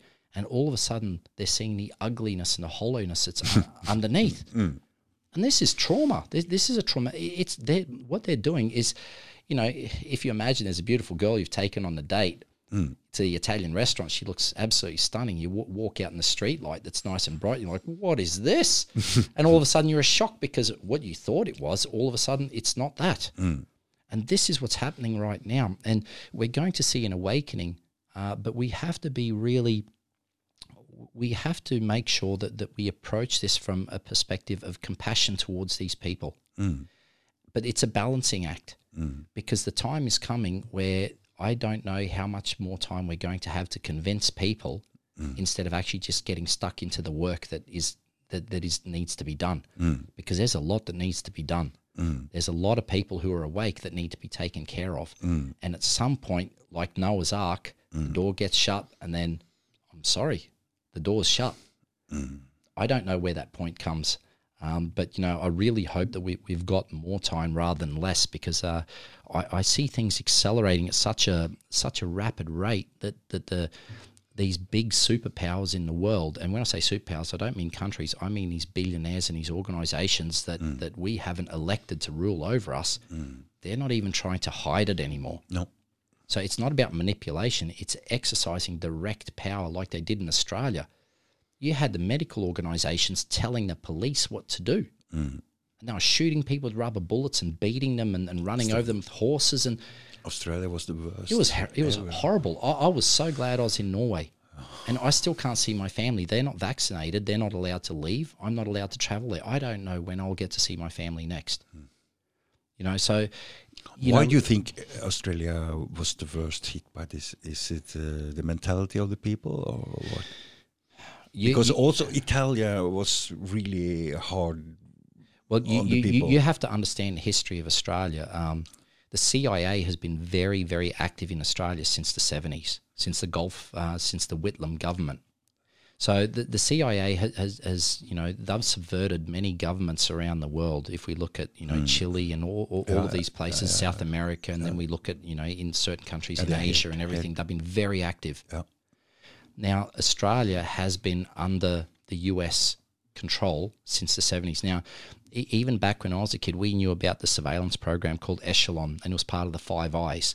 So, you know, you had the, the UK, Canada, um, uh, United States, Australia, and I think it, it was New Zealand. It was the Five Eyes program, and they had surveillance back in Australia when I was a boy that would that would start recording when you said key words, and it re- it could record if everyone in Australia was on the phone at the same time. It could record all of them at the same time. So Australia has been under control um, to to these uh, to these entities for a very very long time. Mm. Men det skal du være klar over, bare for å bryte litt, det har Norge også. Norge har altså hatt uh, avlyttingsstasjoner mot uh, Russland oppe i nord. Yep. Men vi krevde å ha norsk personell Yep. der. Så det er det mest tekniske, avanserte avlyttingsutstyret vi har hatt noen gang. Og folk tror at politiet her i Norge ikke de er helt rå på avlytting. Her har det vært total kontroll. Well, it, it was the same thing in Australia, and and one of the interesting things about Australia, if you look at um, gun control, for example, we had the Port Arthur massacre in Australia back in the nineties. Uh, I think that happened in in possibly ninety four or ninety five, where they claimed that Martin Bryant, a, um, a mentally challenged guy who'd never fired a rifle in the uh, a rifle other than a Luftgewehr, an mm. air rifle, mm. had a better kill ratio than trained special forces soldiers. So Australia has been the testing ground for false flag events and all of these kind of stuff. Why? Because if you don't like what the government's doing, where are you going to go? Mm. In Norway, if you don't like it, you can cross the border into Sweden or Russia, and, and you can Nowhere get to to the rest of Europe. You've got nowhere to go in Australia. So Australia and New Zealand, for a very long time, have been the proving ground and the testing ground for the for the techniques that were going to get rolled out in the rest of the world hmm. because you had a captive audience. Like you, you had people that couldn't go anywhere. I remember back when I was a kid, we were in preschool, so it was before grade one. They were doing nuclear testing, and we would get the fallout, and we wouldn't. They used to give us milk when we were kids, and then all of a sudden you wouldn't get milk for two weeks because you'd have the radio, radioactive fallout falling on the farms, and the milk was radioactive. I remember that we used to have a, a, a program where we used to go to the public schools and they used to teach us to swim. I found out years afterwards that the loudspeakers where they used to make the announcements at the pool, they were spraying fine mists of chemical weapons just to see what was happening to the kids. They're testing it on us. Mm. So, you know, we, we have to understand and people people need to realize this that, you know, we the world as we know it, where you had honorable leaders and all, that that's long gone. Mm. That's long gone. The more information that comes, and this isn't even conspiracy theory. These are all declassified documents. You can read it. You can find all of this information online. The problem is, is that when you talk to people who've got the illusion and grown up with the illusion that the world is a safe place full of candy and unicorns, you're you're doing something traumatic. You're ripping the, the, the mask off the world, and they see it for its ugliness. But for us, you know, we, we've we've seen this, we've read it, we've done the research, and, and we understand this. But you know, we we don't prep, like I said, we don't prep because we're scared of this. We prep because we want to retain what is good in society. We want to build on the good things. Mm. We don't do it because we're scared of evil. Evil is like darkness. If you want to get dark rid of darkness, you turn on the light. Mm. And that's what we're trying to do. And, you know, we, we were talking about Christianity and all of those kind of things. This is why I'm a Christian. Because if you want a country to, to succeed, if you want this generation to be a blessing for the next, you don't do it to try you don't do it by cursing the darkness. You do it by turning the light on. And what is the light? The light is the truth. This is why the truth offends people. This is why governments spend a lot of money hiding the truth and, and in, with misinformation, these big organizations, because mm. as soon as you turn the light on, the darkness runs away. People see it for what it mm, is. Mm. And at the end of the day, even though you'll be hated for it, people are attracted to the truth. And this is why, you know, we, we have to make an effort to be compulsive truth speakers. But in the same way that we would like to speak the truth to others, when we have the truth spoken to us, we shouldn't get offended by it. We shouldn't be upset by it. We should accept it also. Mm. And this is what attracts me to, to humble people because they have that ability to be able to apply that truth to their life and swallow the most bitter pill. Mm. But because it's the truth, they know at the end of the day it's good for them and it chases the darkness away that even they may have in their hearts. Yeah. And ehm, nå sitter vi jo på en kanal som er litt halvsensurert. YouTube, Facebook, til og med Spotify. Ja. Uh, så det er jo en grunn til at du, med din uh, spesielle form for sannhet, bruker Telegram. Yes, exactly. Yeah. Yeah. Ikke sant? Og jeg, har, jeg også har en del ting som jeg har lyst til å ta opp her. Mm. Uh, spesielt uh, rundt de siste 100 år og hva vi vet om yeah. historien her. Yeah. Som, men, men det er noen ting som jeg skjønner at er utrolig vanskelig å snakke om på disse kanalene. Yeah, som jeg har lyst til å snakke om, men jeg skjønner at det vil si at da Da er det ikke noe mer podkast, så jeg må vurdere om det er verdt det eller ikke. Jeg skal, jeg skal ta det på siste podkasten når jeg føler at ok, nå, er, nå holder det, nå har jeg gjort yeah. mitt. Nå, så skal jeg ta det, og så skal jeg si ha det. så får vi se. But you know, I, I think when I think when that point comes, and I think when you know the stranglehold on the truth gets to such a point, I, I think that there will be alternatives. Det and. And what I mm. think has mm. happened is it's like that pendulum, you know, it's like the thing that swings back and forth. Mm. The control has swung to such a degree. Now people are starting to realize the only way you're really going to get the truth is if I stop in and I say, okay, I'm going to go to Doug's place for a cup of coffee because I can see him and I can look him in the eye and we can speak the truth. And what I'm seeing now is I'm seeing a revival of people stopping in and visiting each other, mm. which we haven't seen for years. Mm. And so it's having the opposite effect. Instead jeg of stopping the jeg spread of truth, vet they're encouraging people to speak the truth because we don't do it on these digital channels because we can't. No.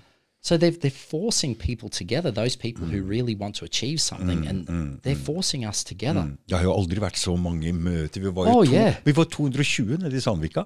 Oh, wow. Det var kona. Yeah, where my wife. Ja, Yeah, yeah, yeah, jeg- exactly. And it's happening, and we're seeing it happen in our lifetime. Men de ble veldig overraska, de som kom ned dit. De hadde jo trodd at alt skulle handle om naturrett. Men det var det ikke. Yeah, Han ville begynne å bygge det nye samfunnet. Yeah. Så det var første, første, første Og så har det vært en del Zoom-møter etter det, og nå er det kommet ganske langt i prosessen. I'm, I, I'm really excited about this because I see that the same thing is happening in parallel in the United States. I'm seeing it happen in Australia. I was telling you that I, I know an extremely wealthy uh, real estate developer in Australia, and he did the same thing. He bought a massive, um, he's bought a, a property now, and he's trying to figure out, okay, how do I get all of these people in the camping wagons and everything here? Ja. Because they have nowhere to go.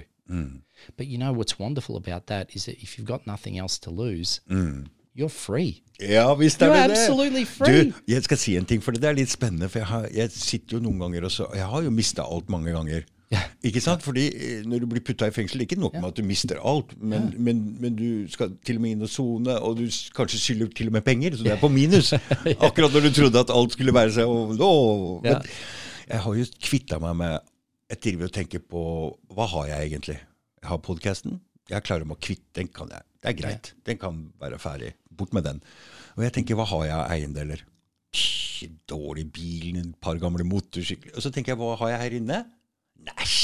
Det er ikke noe her jeg trenger. Så mentalt så klarer jeg å kvitte meg med alt jeg har, hele tida. Ja. Og det tror jeg er en veldig god ting, fordi um, med ting så følger det ego. Yeah. Det gjør det. Uh, så når du kvitter deg med alt, så er du fri på en måte. Så yeah. det er uh, Du trenger kanskje ikke gjøre det, men gjør det i hvert fall. Prøv å gjøre det mentalt i hodet. That's that's a very good point. Because what, what you're doing with the things that you have is you're building up an image of yourself that not actually truthful. No, no, it's not.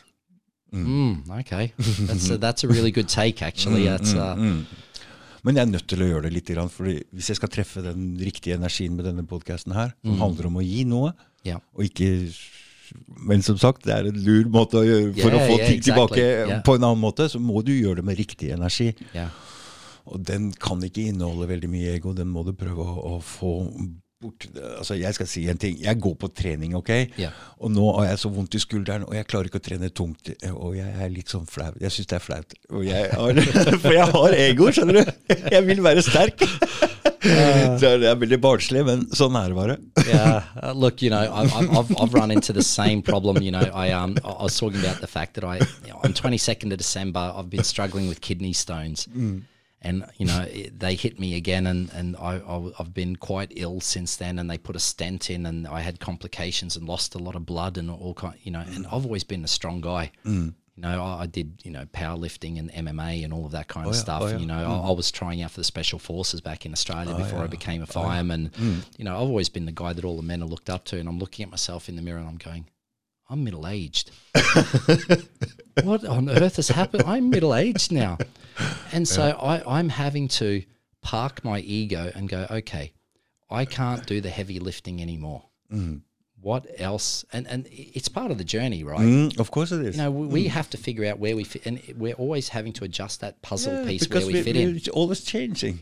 Yeah. So we have to change with it. Yeah. That's no But it's tough, way. isn't it? yes. and I'm sure because you know, based on the analytics that I get on YouTube, I know that probably 75% of the people listening to this podcast sitting there nodding their heads going oh yeah i could really relate to that. You know and i always say have i have this saying where i say the older i get the better i was. You know because I, th- I think back to my youth ago i used to deadlift this and bench that and, and now i'm just like you know at the end of the day i'm limping because my knee is sore and my shoulder clicks and i'm like oh you know, Uh, it's the same with me. but you know, but that means that our role in society has to change, and and this is this is where it gets really interesting about the giving. You know, I know so many pensioners, and these guys have lived three lifetimes. You know, they've done so much in their life, mm. and these guys here have such an important role in the mm. community that we're mm. building.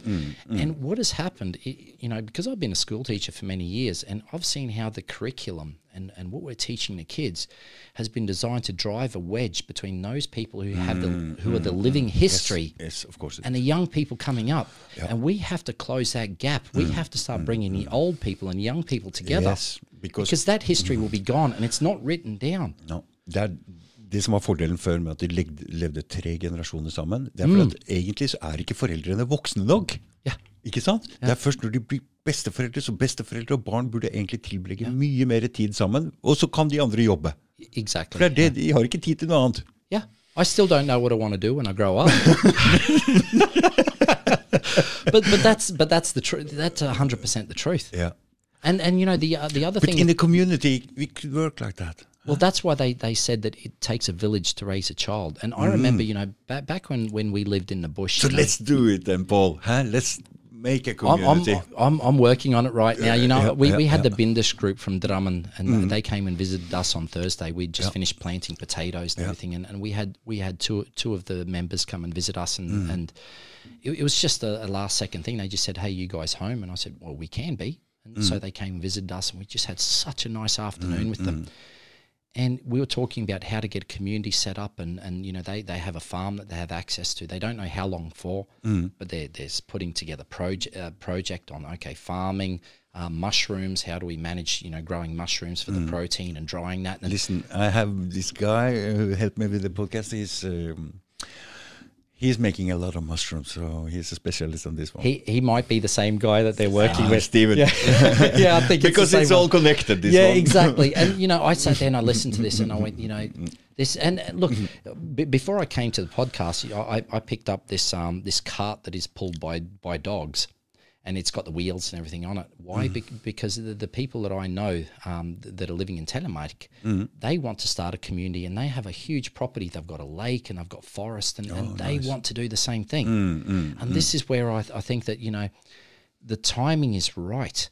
Mm. People are waking up Yeah, and, yeah, and they're, yeah. they're willing to walk away from, you from know, this fakeness that, that we're seeing in Listen, society. Paul, in all the bad things that are going around, it's something beautiful Absolutely. coming out of it. Huh? Abs- well, you know, we can see the the contours of it. the most beautiful flowers, and I'm, I'm sorry, it's going to sound crude, but the most beautiful flowers come out of a pile of manure. you know, and, yeah, and this is yeah. Mm, where we are now. Something mm, beautiful mm. is going to come out of this, but but we have to be willing to That's nurture. the energy I feel. That's the goal I'm going for. That's Yeah. the drive on this podcast. I think uh, because I'm feeling it now that we're talking about it. Yeah. I feel this energy. So No, it's uh, it's really exciting. Look, one one of the things I'd like to share, you know, I, I know I spoke to you a little bit about my family history, but um, one of the things that I'd like to do is uh, I, would- I would really like to encourage the people that are listening because I know that there's people that are listening that are probably really hurting that that they realize they're going to have to walk away from a lot of things and they're likely going to have to start again, because you know we live in a country where people are in debt.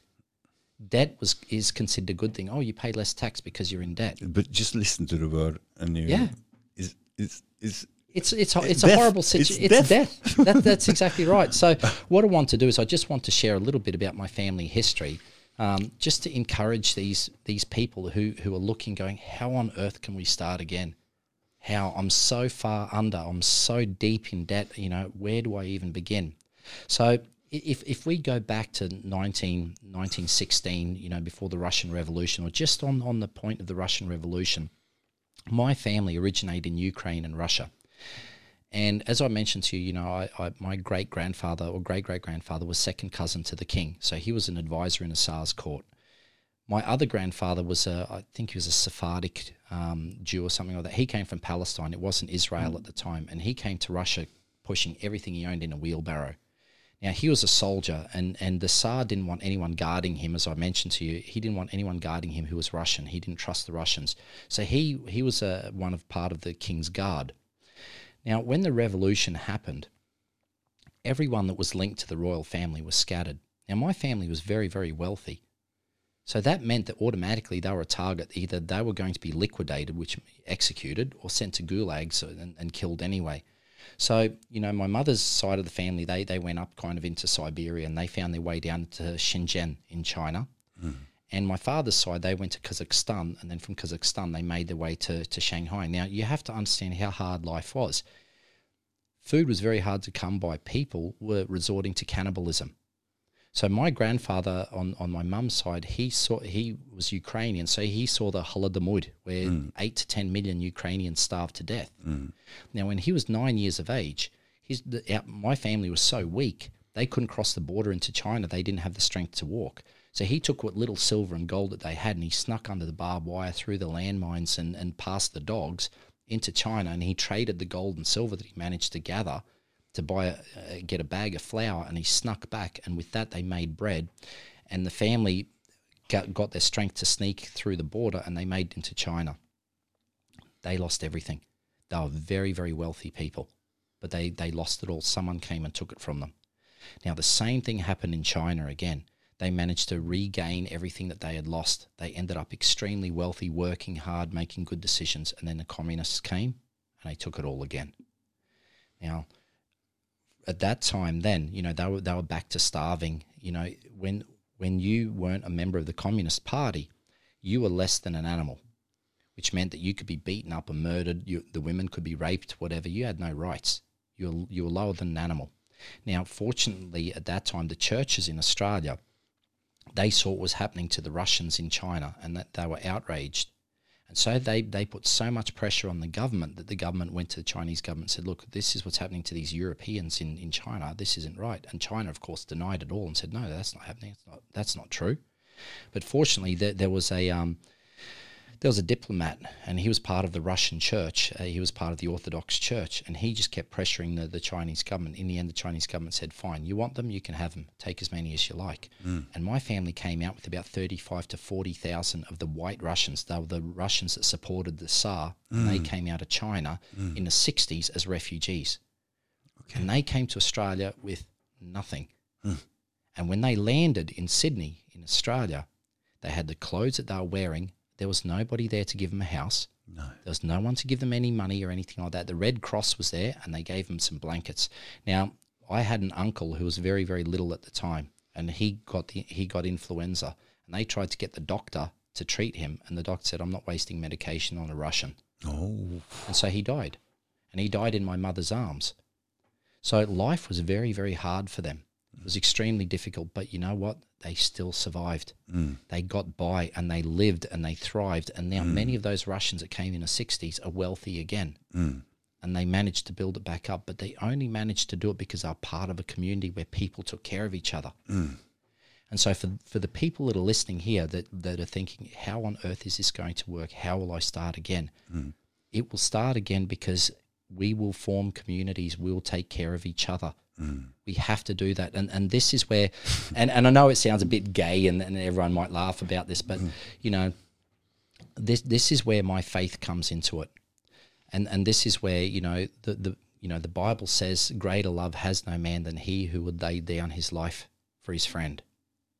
And the only new commandment that Jesus gave, Jesus said, A new commandment I give you that you love one another.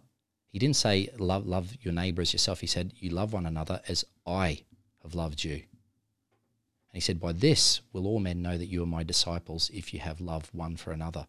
So Jesus lifted the bar even more. He said, It's not enough that you love your neighbor as yourself. You might hate yourself.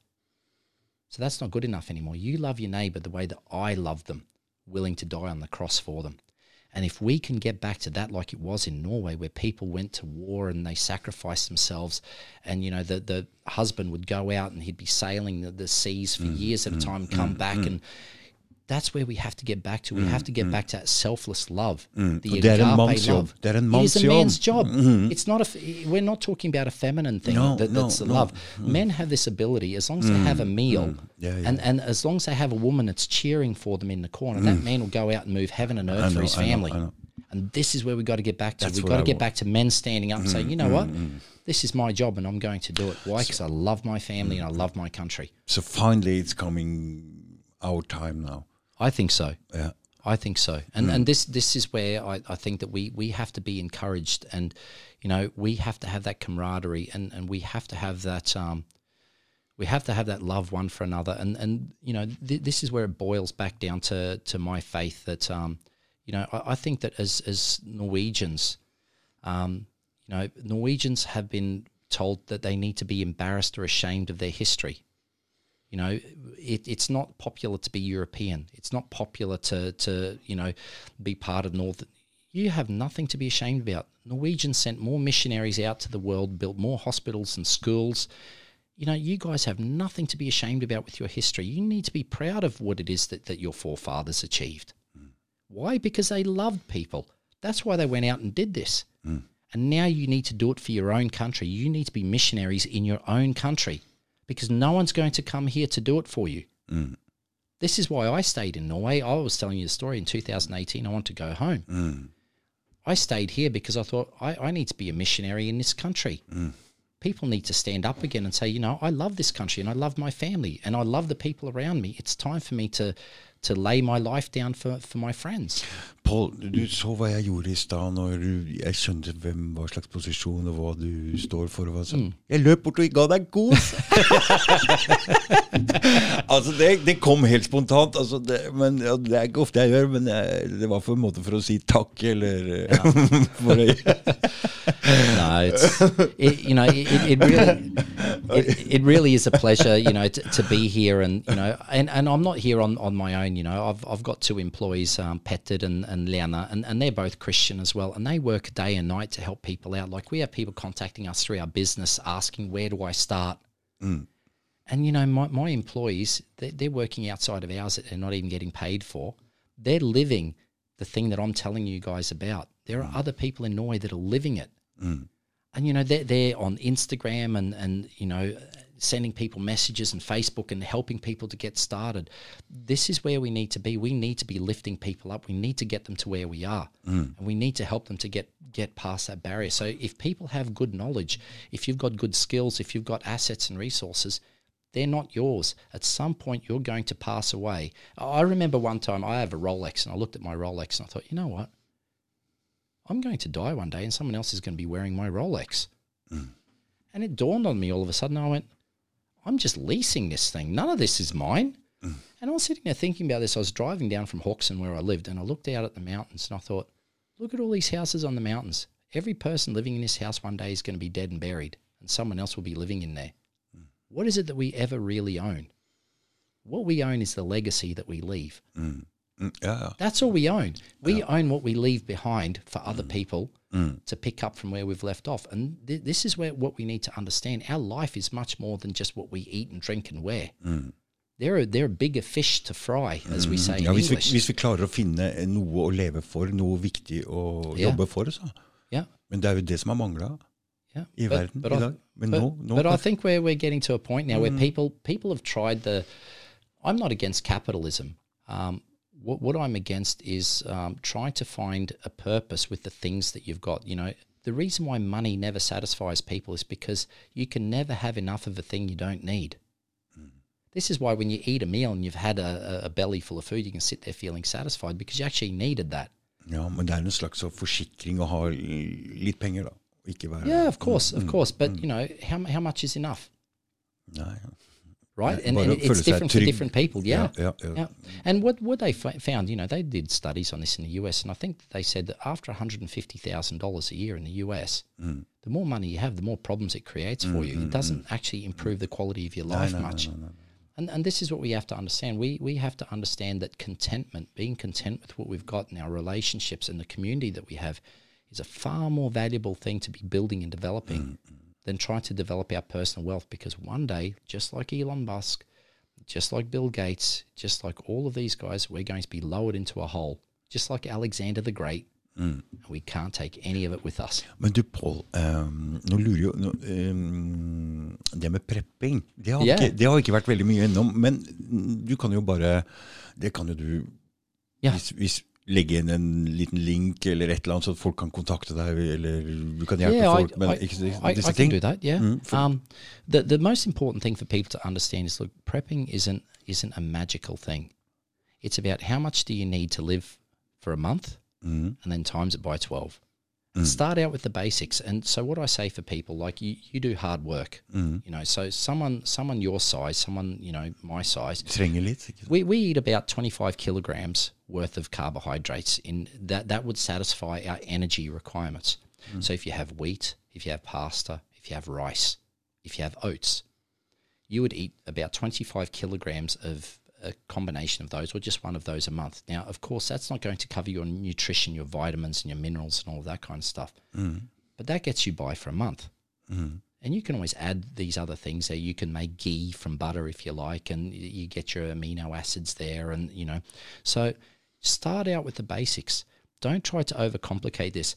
Leave the crap of, of the bug out bags and, and the, the big knives and all. You can't eat a knife. Mm. What are you going to do with this big Rambo knife? you can't catch a duck with a Rambo knife. You know, that, that, that's no good. So the, the first thing you need to focus on you know, there, there's there's certain stages, and, and I have a video on this on my YouTube channel about disaster recovery. You know, the first step is search and rescue, and then you have have your you know you have your early recovery efforts, and you know the the first step one once you you understand that there's a collapse or a disaster or something, you have to have enough to live off the stores while things start to normalize, because you don't want to be out there competing for resources when people are losing their minds. Mm. Norwegians per person have more guns than the US. No. Do you really want to be out on the street where every household has a hunter uh. who's mm. unprepared, who's going to be out there competing for the same resources? The best thing you can do is you lock your door, actually go out in your yard, make it look like your house has been ransacked, then go inside, lock your door, go down to your basement, and wait until it blows over. And then come out when things have settled down and normalized a little bit. So, what I say to people is look, 25 kilos of rice, pasta, wheat, or oats per month and start with that. And the wonderful thing is, you know, we, we've been talking to Økoland, and Økoland have, um, they've been wonderful. Jarl is the daglig leder in, um, in Økoland, and he's a really, really nice guy. And he, he is, um, he has seen a challenge because what's happened is that more and more people are buying these types of foods, mm. but they're not storing them properly. Mm. So when it comes time to eat it, it's moldy or the mm. mice have gotten into it and they have all kinds of problems. You need to store this stuff right. It's an insurance policy. The bank vault in which your cash or your gold is stored is worth far more than the gold that you've stored in it. It's there to keep it safe. And you have to think about it this way. The food that you're buying right now, for example, 25 kilos of grain costs 579 kroner on Økoland without a discount. Mm-hmm. But when the food is in a shortage, that might increase 10, 20, 30 times. Mm-hmm. You'll be very happy that you sealed it properly. You've got it in a, in a barrel and that you can take it with you if you have to get out of your house because that might be the most valuable thing that you own will mm. be the food that you've got. Mm. And if you leave it too late, you'll be competing with all the crazies out there on the street for the same resource. Okay. So it's really important for people to be prepared. And look, guys, if, if you want to get started, you can reach out to us. You know, we've, we've got um, uh, contact forms on our website and everything like that. Um, I mentioned to you that on June 8th that we're going to be running a, a prepping workshop on, you know, how do you actually get started? What should you start with? And you know, I just want to walk people through through the basics ab- about how to start. Now, mm. my family's been through this many times. That they've been through famine and starvation and everything like that. So, and my family was completely self sufficient in Australia. I, I have. I'm not an expert. I'm not Bear Grylls or someone like that. Mm. But I have an expert on. Uh, on- I have the experience on some of these practical things just to help people get started. Mm. So for people who haven't started, I really recommend please don't put this off. There is never a good time to plow the field and plant the potatoes.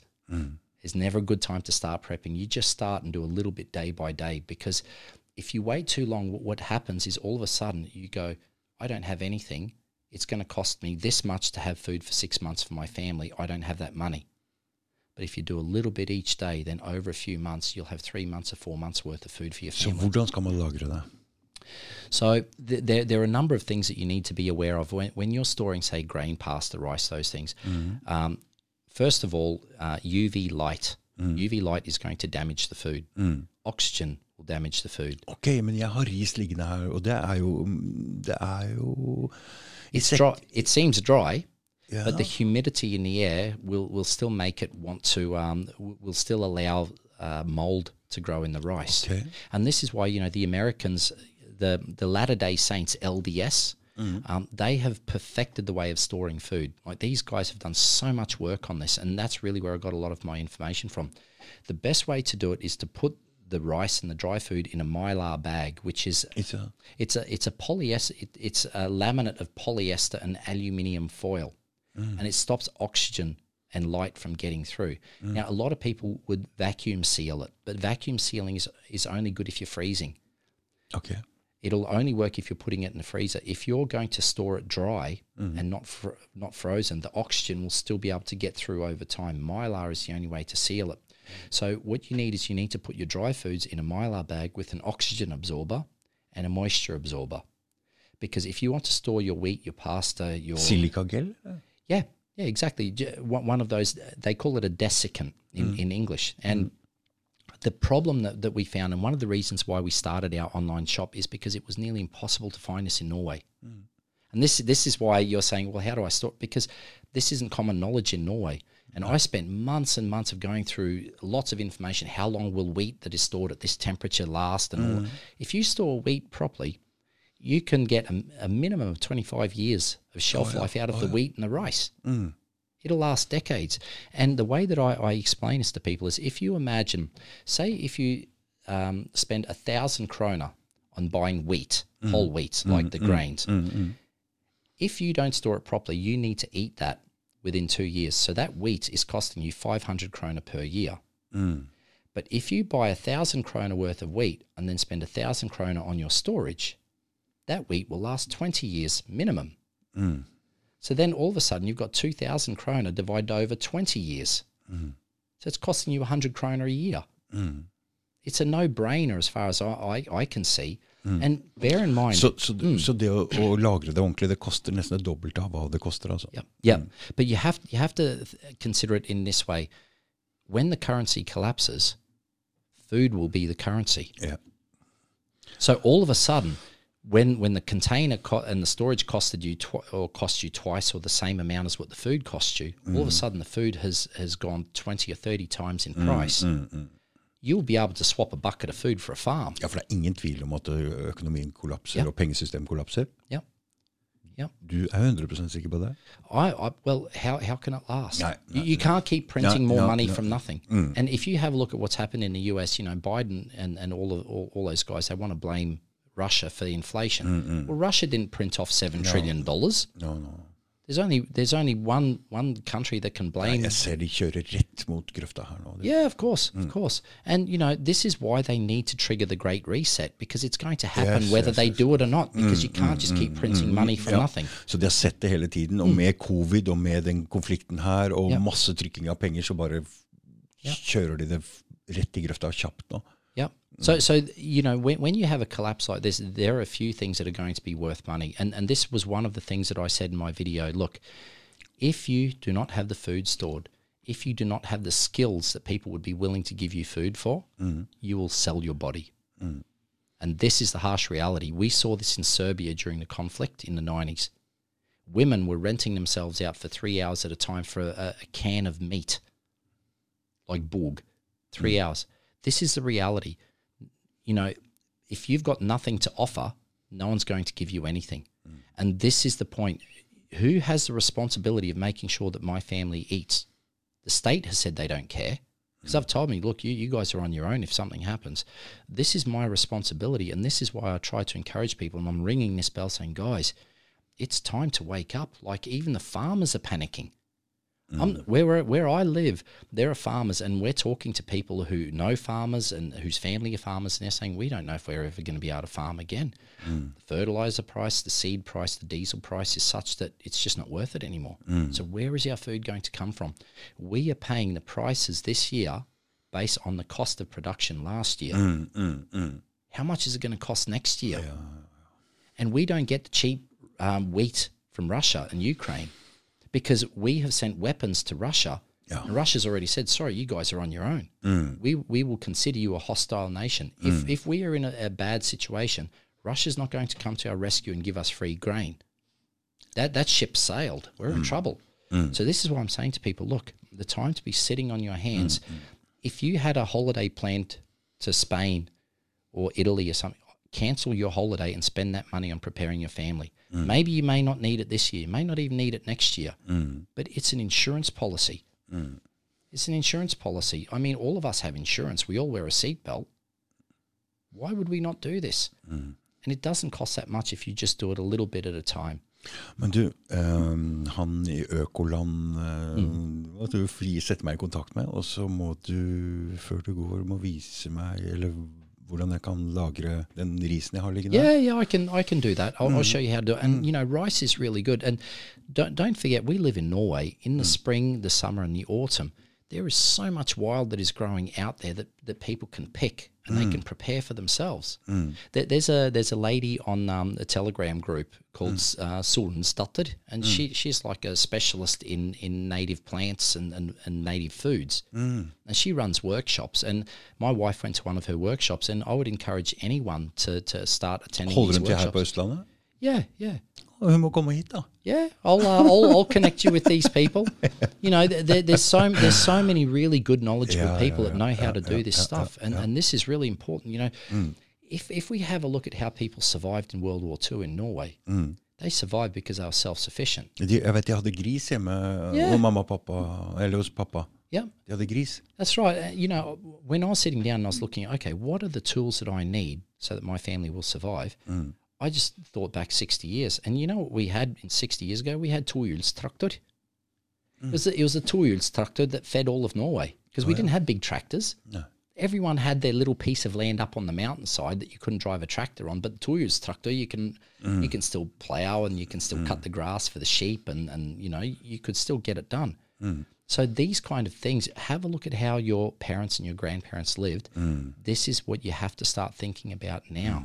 So these these skills are really useful. Look, if you if you take a farmer away from the farm, you just end up with a patch of dirt.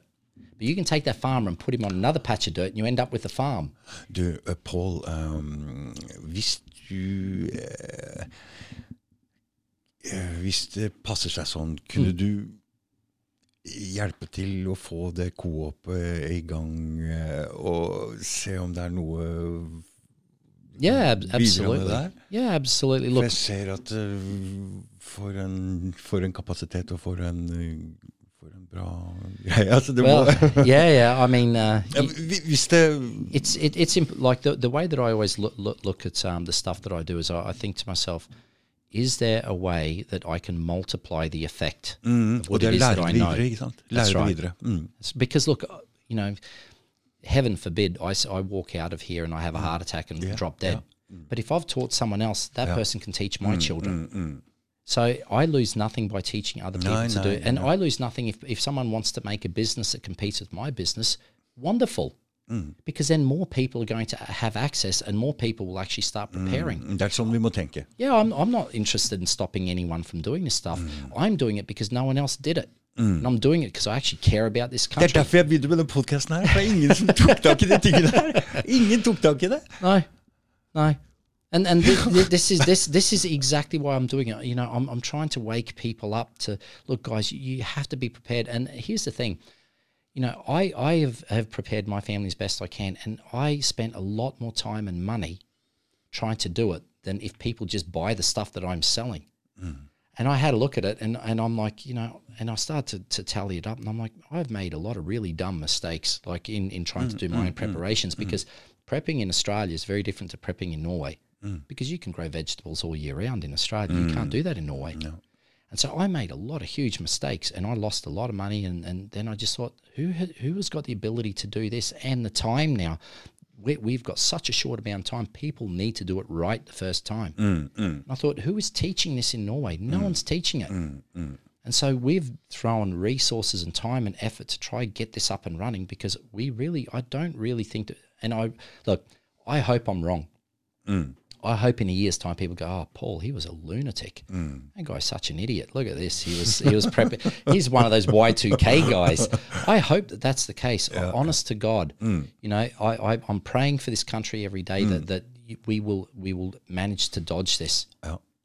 But if we don't, then I really hope that people take this seriously and they start to prepare and, and get themselves organized because I want a, a community and a society for my children to live in. Mm. I want my kids to find husbands and wives and you know I want them to have that community mm. and it, it can't happen if if our listeners aren't prepared. Mm. It can't happen. Mm. I don't want to be on on a deserted island with my family. Like they're lovely. I, I love my family, but we need more than that. We need people, huh? We need people. We do, and and this is this is at, at the heart of this was why I started my tech company because I looked at these massive companies that go bankrupt, and then all of a sudden two thousand people lose their jobs. And I thought, who is taking a risk? So there's these small companies where where you spread the risk. Mm. If one company goes bankrupt, you know, then all those really good people from there can get distributed amongst all these other small companies, and then mm. you've got more legs on the on the chair to stand mm, on. No one wants to take that risk anymore, and I understand now why. After seven years of bashing my head against the wall trying to oh, yeah. penetrate the market in Norway, I understand how hard it is. But it doesn't mean that we give up. We we have to keep trying mm. because if we don't do it again, who will do it if we don't do it? Mm-hmm. It's it's us. It's mm. you, me. You know, it, mm. it's it's us that have this responsibility to do it. And this is what I'd encourage people to do that who are listening to this podcast. Deep down in your hearts, you, you guys know that what we're talking about here is right. Mm-hmm. So take a risk, take a chance. You know, start preparing yourself, start training. For those of us who are who are carrying a little bit extra, I'm one of them. Get out and walk, get yourself fit. If you don't have skills that you think people are going to pay you for, start developing those skills. Start becoming a resource and an asset in, in the community in which you live. Mm. If you don't know your neighbors, invite them over for a cup of coffee, get to know your neighbors, start helping them out. This is this we got to get back to where we were 60 years ago. Mm. And it's not going to happen tomorrow. It happens today. You make that decision today. Every day is a new day, and you decide who you want to be today. And it starts today, and it starts with us. It starts with me. Mm. I have to do this. It's not your job to make me a better person. it's my job to decide that I'm going to put my own selfish wants on the back burner and take care of you. And then you do it for me. And and I I explain to people it's like when you're sewing. You, you don't just meet the cloth in the middle and then stitch it together because then it's only the stitches that are mm. holding it together. You have to overlap it. Mm. So if I'm taking care of you and you're taking care of me, that's a much stronger relationship than if we just take care of each other, uh, mm. take care of our own selves. And this is what we got to get back to. And I think that what we see now, you know, with Bindish and and we see these communities coming out and what you're talking about, I think this is the start of it. And you know, th- this is why I, you know, I wanted to come here. I want to encourage people. Look, step up, Mm. stand up, and be counted. Now's the time to do it. Mm. What will you tell your grandkids? What will you tell your grandkids? Oh yeah, I was one of those guys that just sat on the couch waiting for everyone else to do it. Mm. I want to be one of those people that they're singing about around a campfire. you know, that, that that's my goal. My goal is that people go, you know, that Paul guy, yeah, he lost all his friends, but he didn't give a crap Ja. because he knew what he was doing was right. Ja.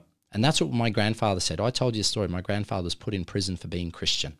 And he was put in, in that Chinese prison with eight other men. They all died except him. He was the only one that made it out alive. He spent five years in a Chinese prison. And he said to me, You know, I haven't had an easy life. He said, But I've always been able to sleep well because I knew that I did the right thing. Mm. He said, Even when I was in prison, he said, and my friends were dying and we were suffering badly. He said, I could still sleep at night because I knew I did what was right. And this is what we got to get back to. And this is the purpose of us. We're men. Mm. If we don't do this, who will provide that example for our children? Og jeg tenker en ting, tenk, selv om det ikke går bra, så vil jeg gjerne leve i et sånt community allikevel. We're better people for it anyway. Ja. because there's still, you know, this is one of the things. Just because the company you have might go bankrupt, mm. it didn't mean you failed. Because you learned a lot in that process, and you've mm. become a resilient person. You've become tougher and stronger and more mentally tough. You know, to to be able to handle the pressure. So just because one community fails, it doesn't mean the next one's going to fail. No, no. You have to take the lessons that you learn and you have to move on with it. So that you know, I, I think that what you guys are doing is wonderful, and if I can help in any way, of course, you know, it's uh, I'll, I'll do whatever I can. But uh, yeah, I, I think it's it's amazing. So I was very happy when you know you asked me to be here. So I, I really do appreciate the opportunity, and I hope I didn't bore your listeners. No, yeah, I, I think this is a really good conversation. I, uh, And I hope they could follow along with the English. yeah. thank you so much, Paul, for this uh, good. You're very welcome. You're very welcome. yeah, bye.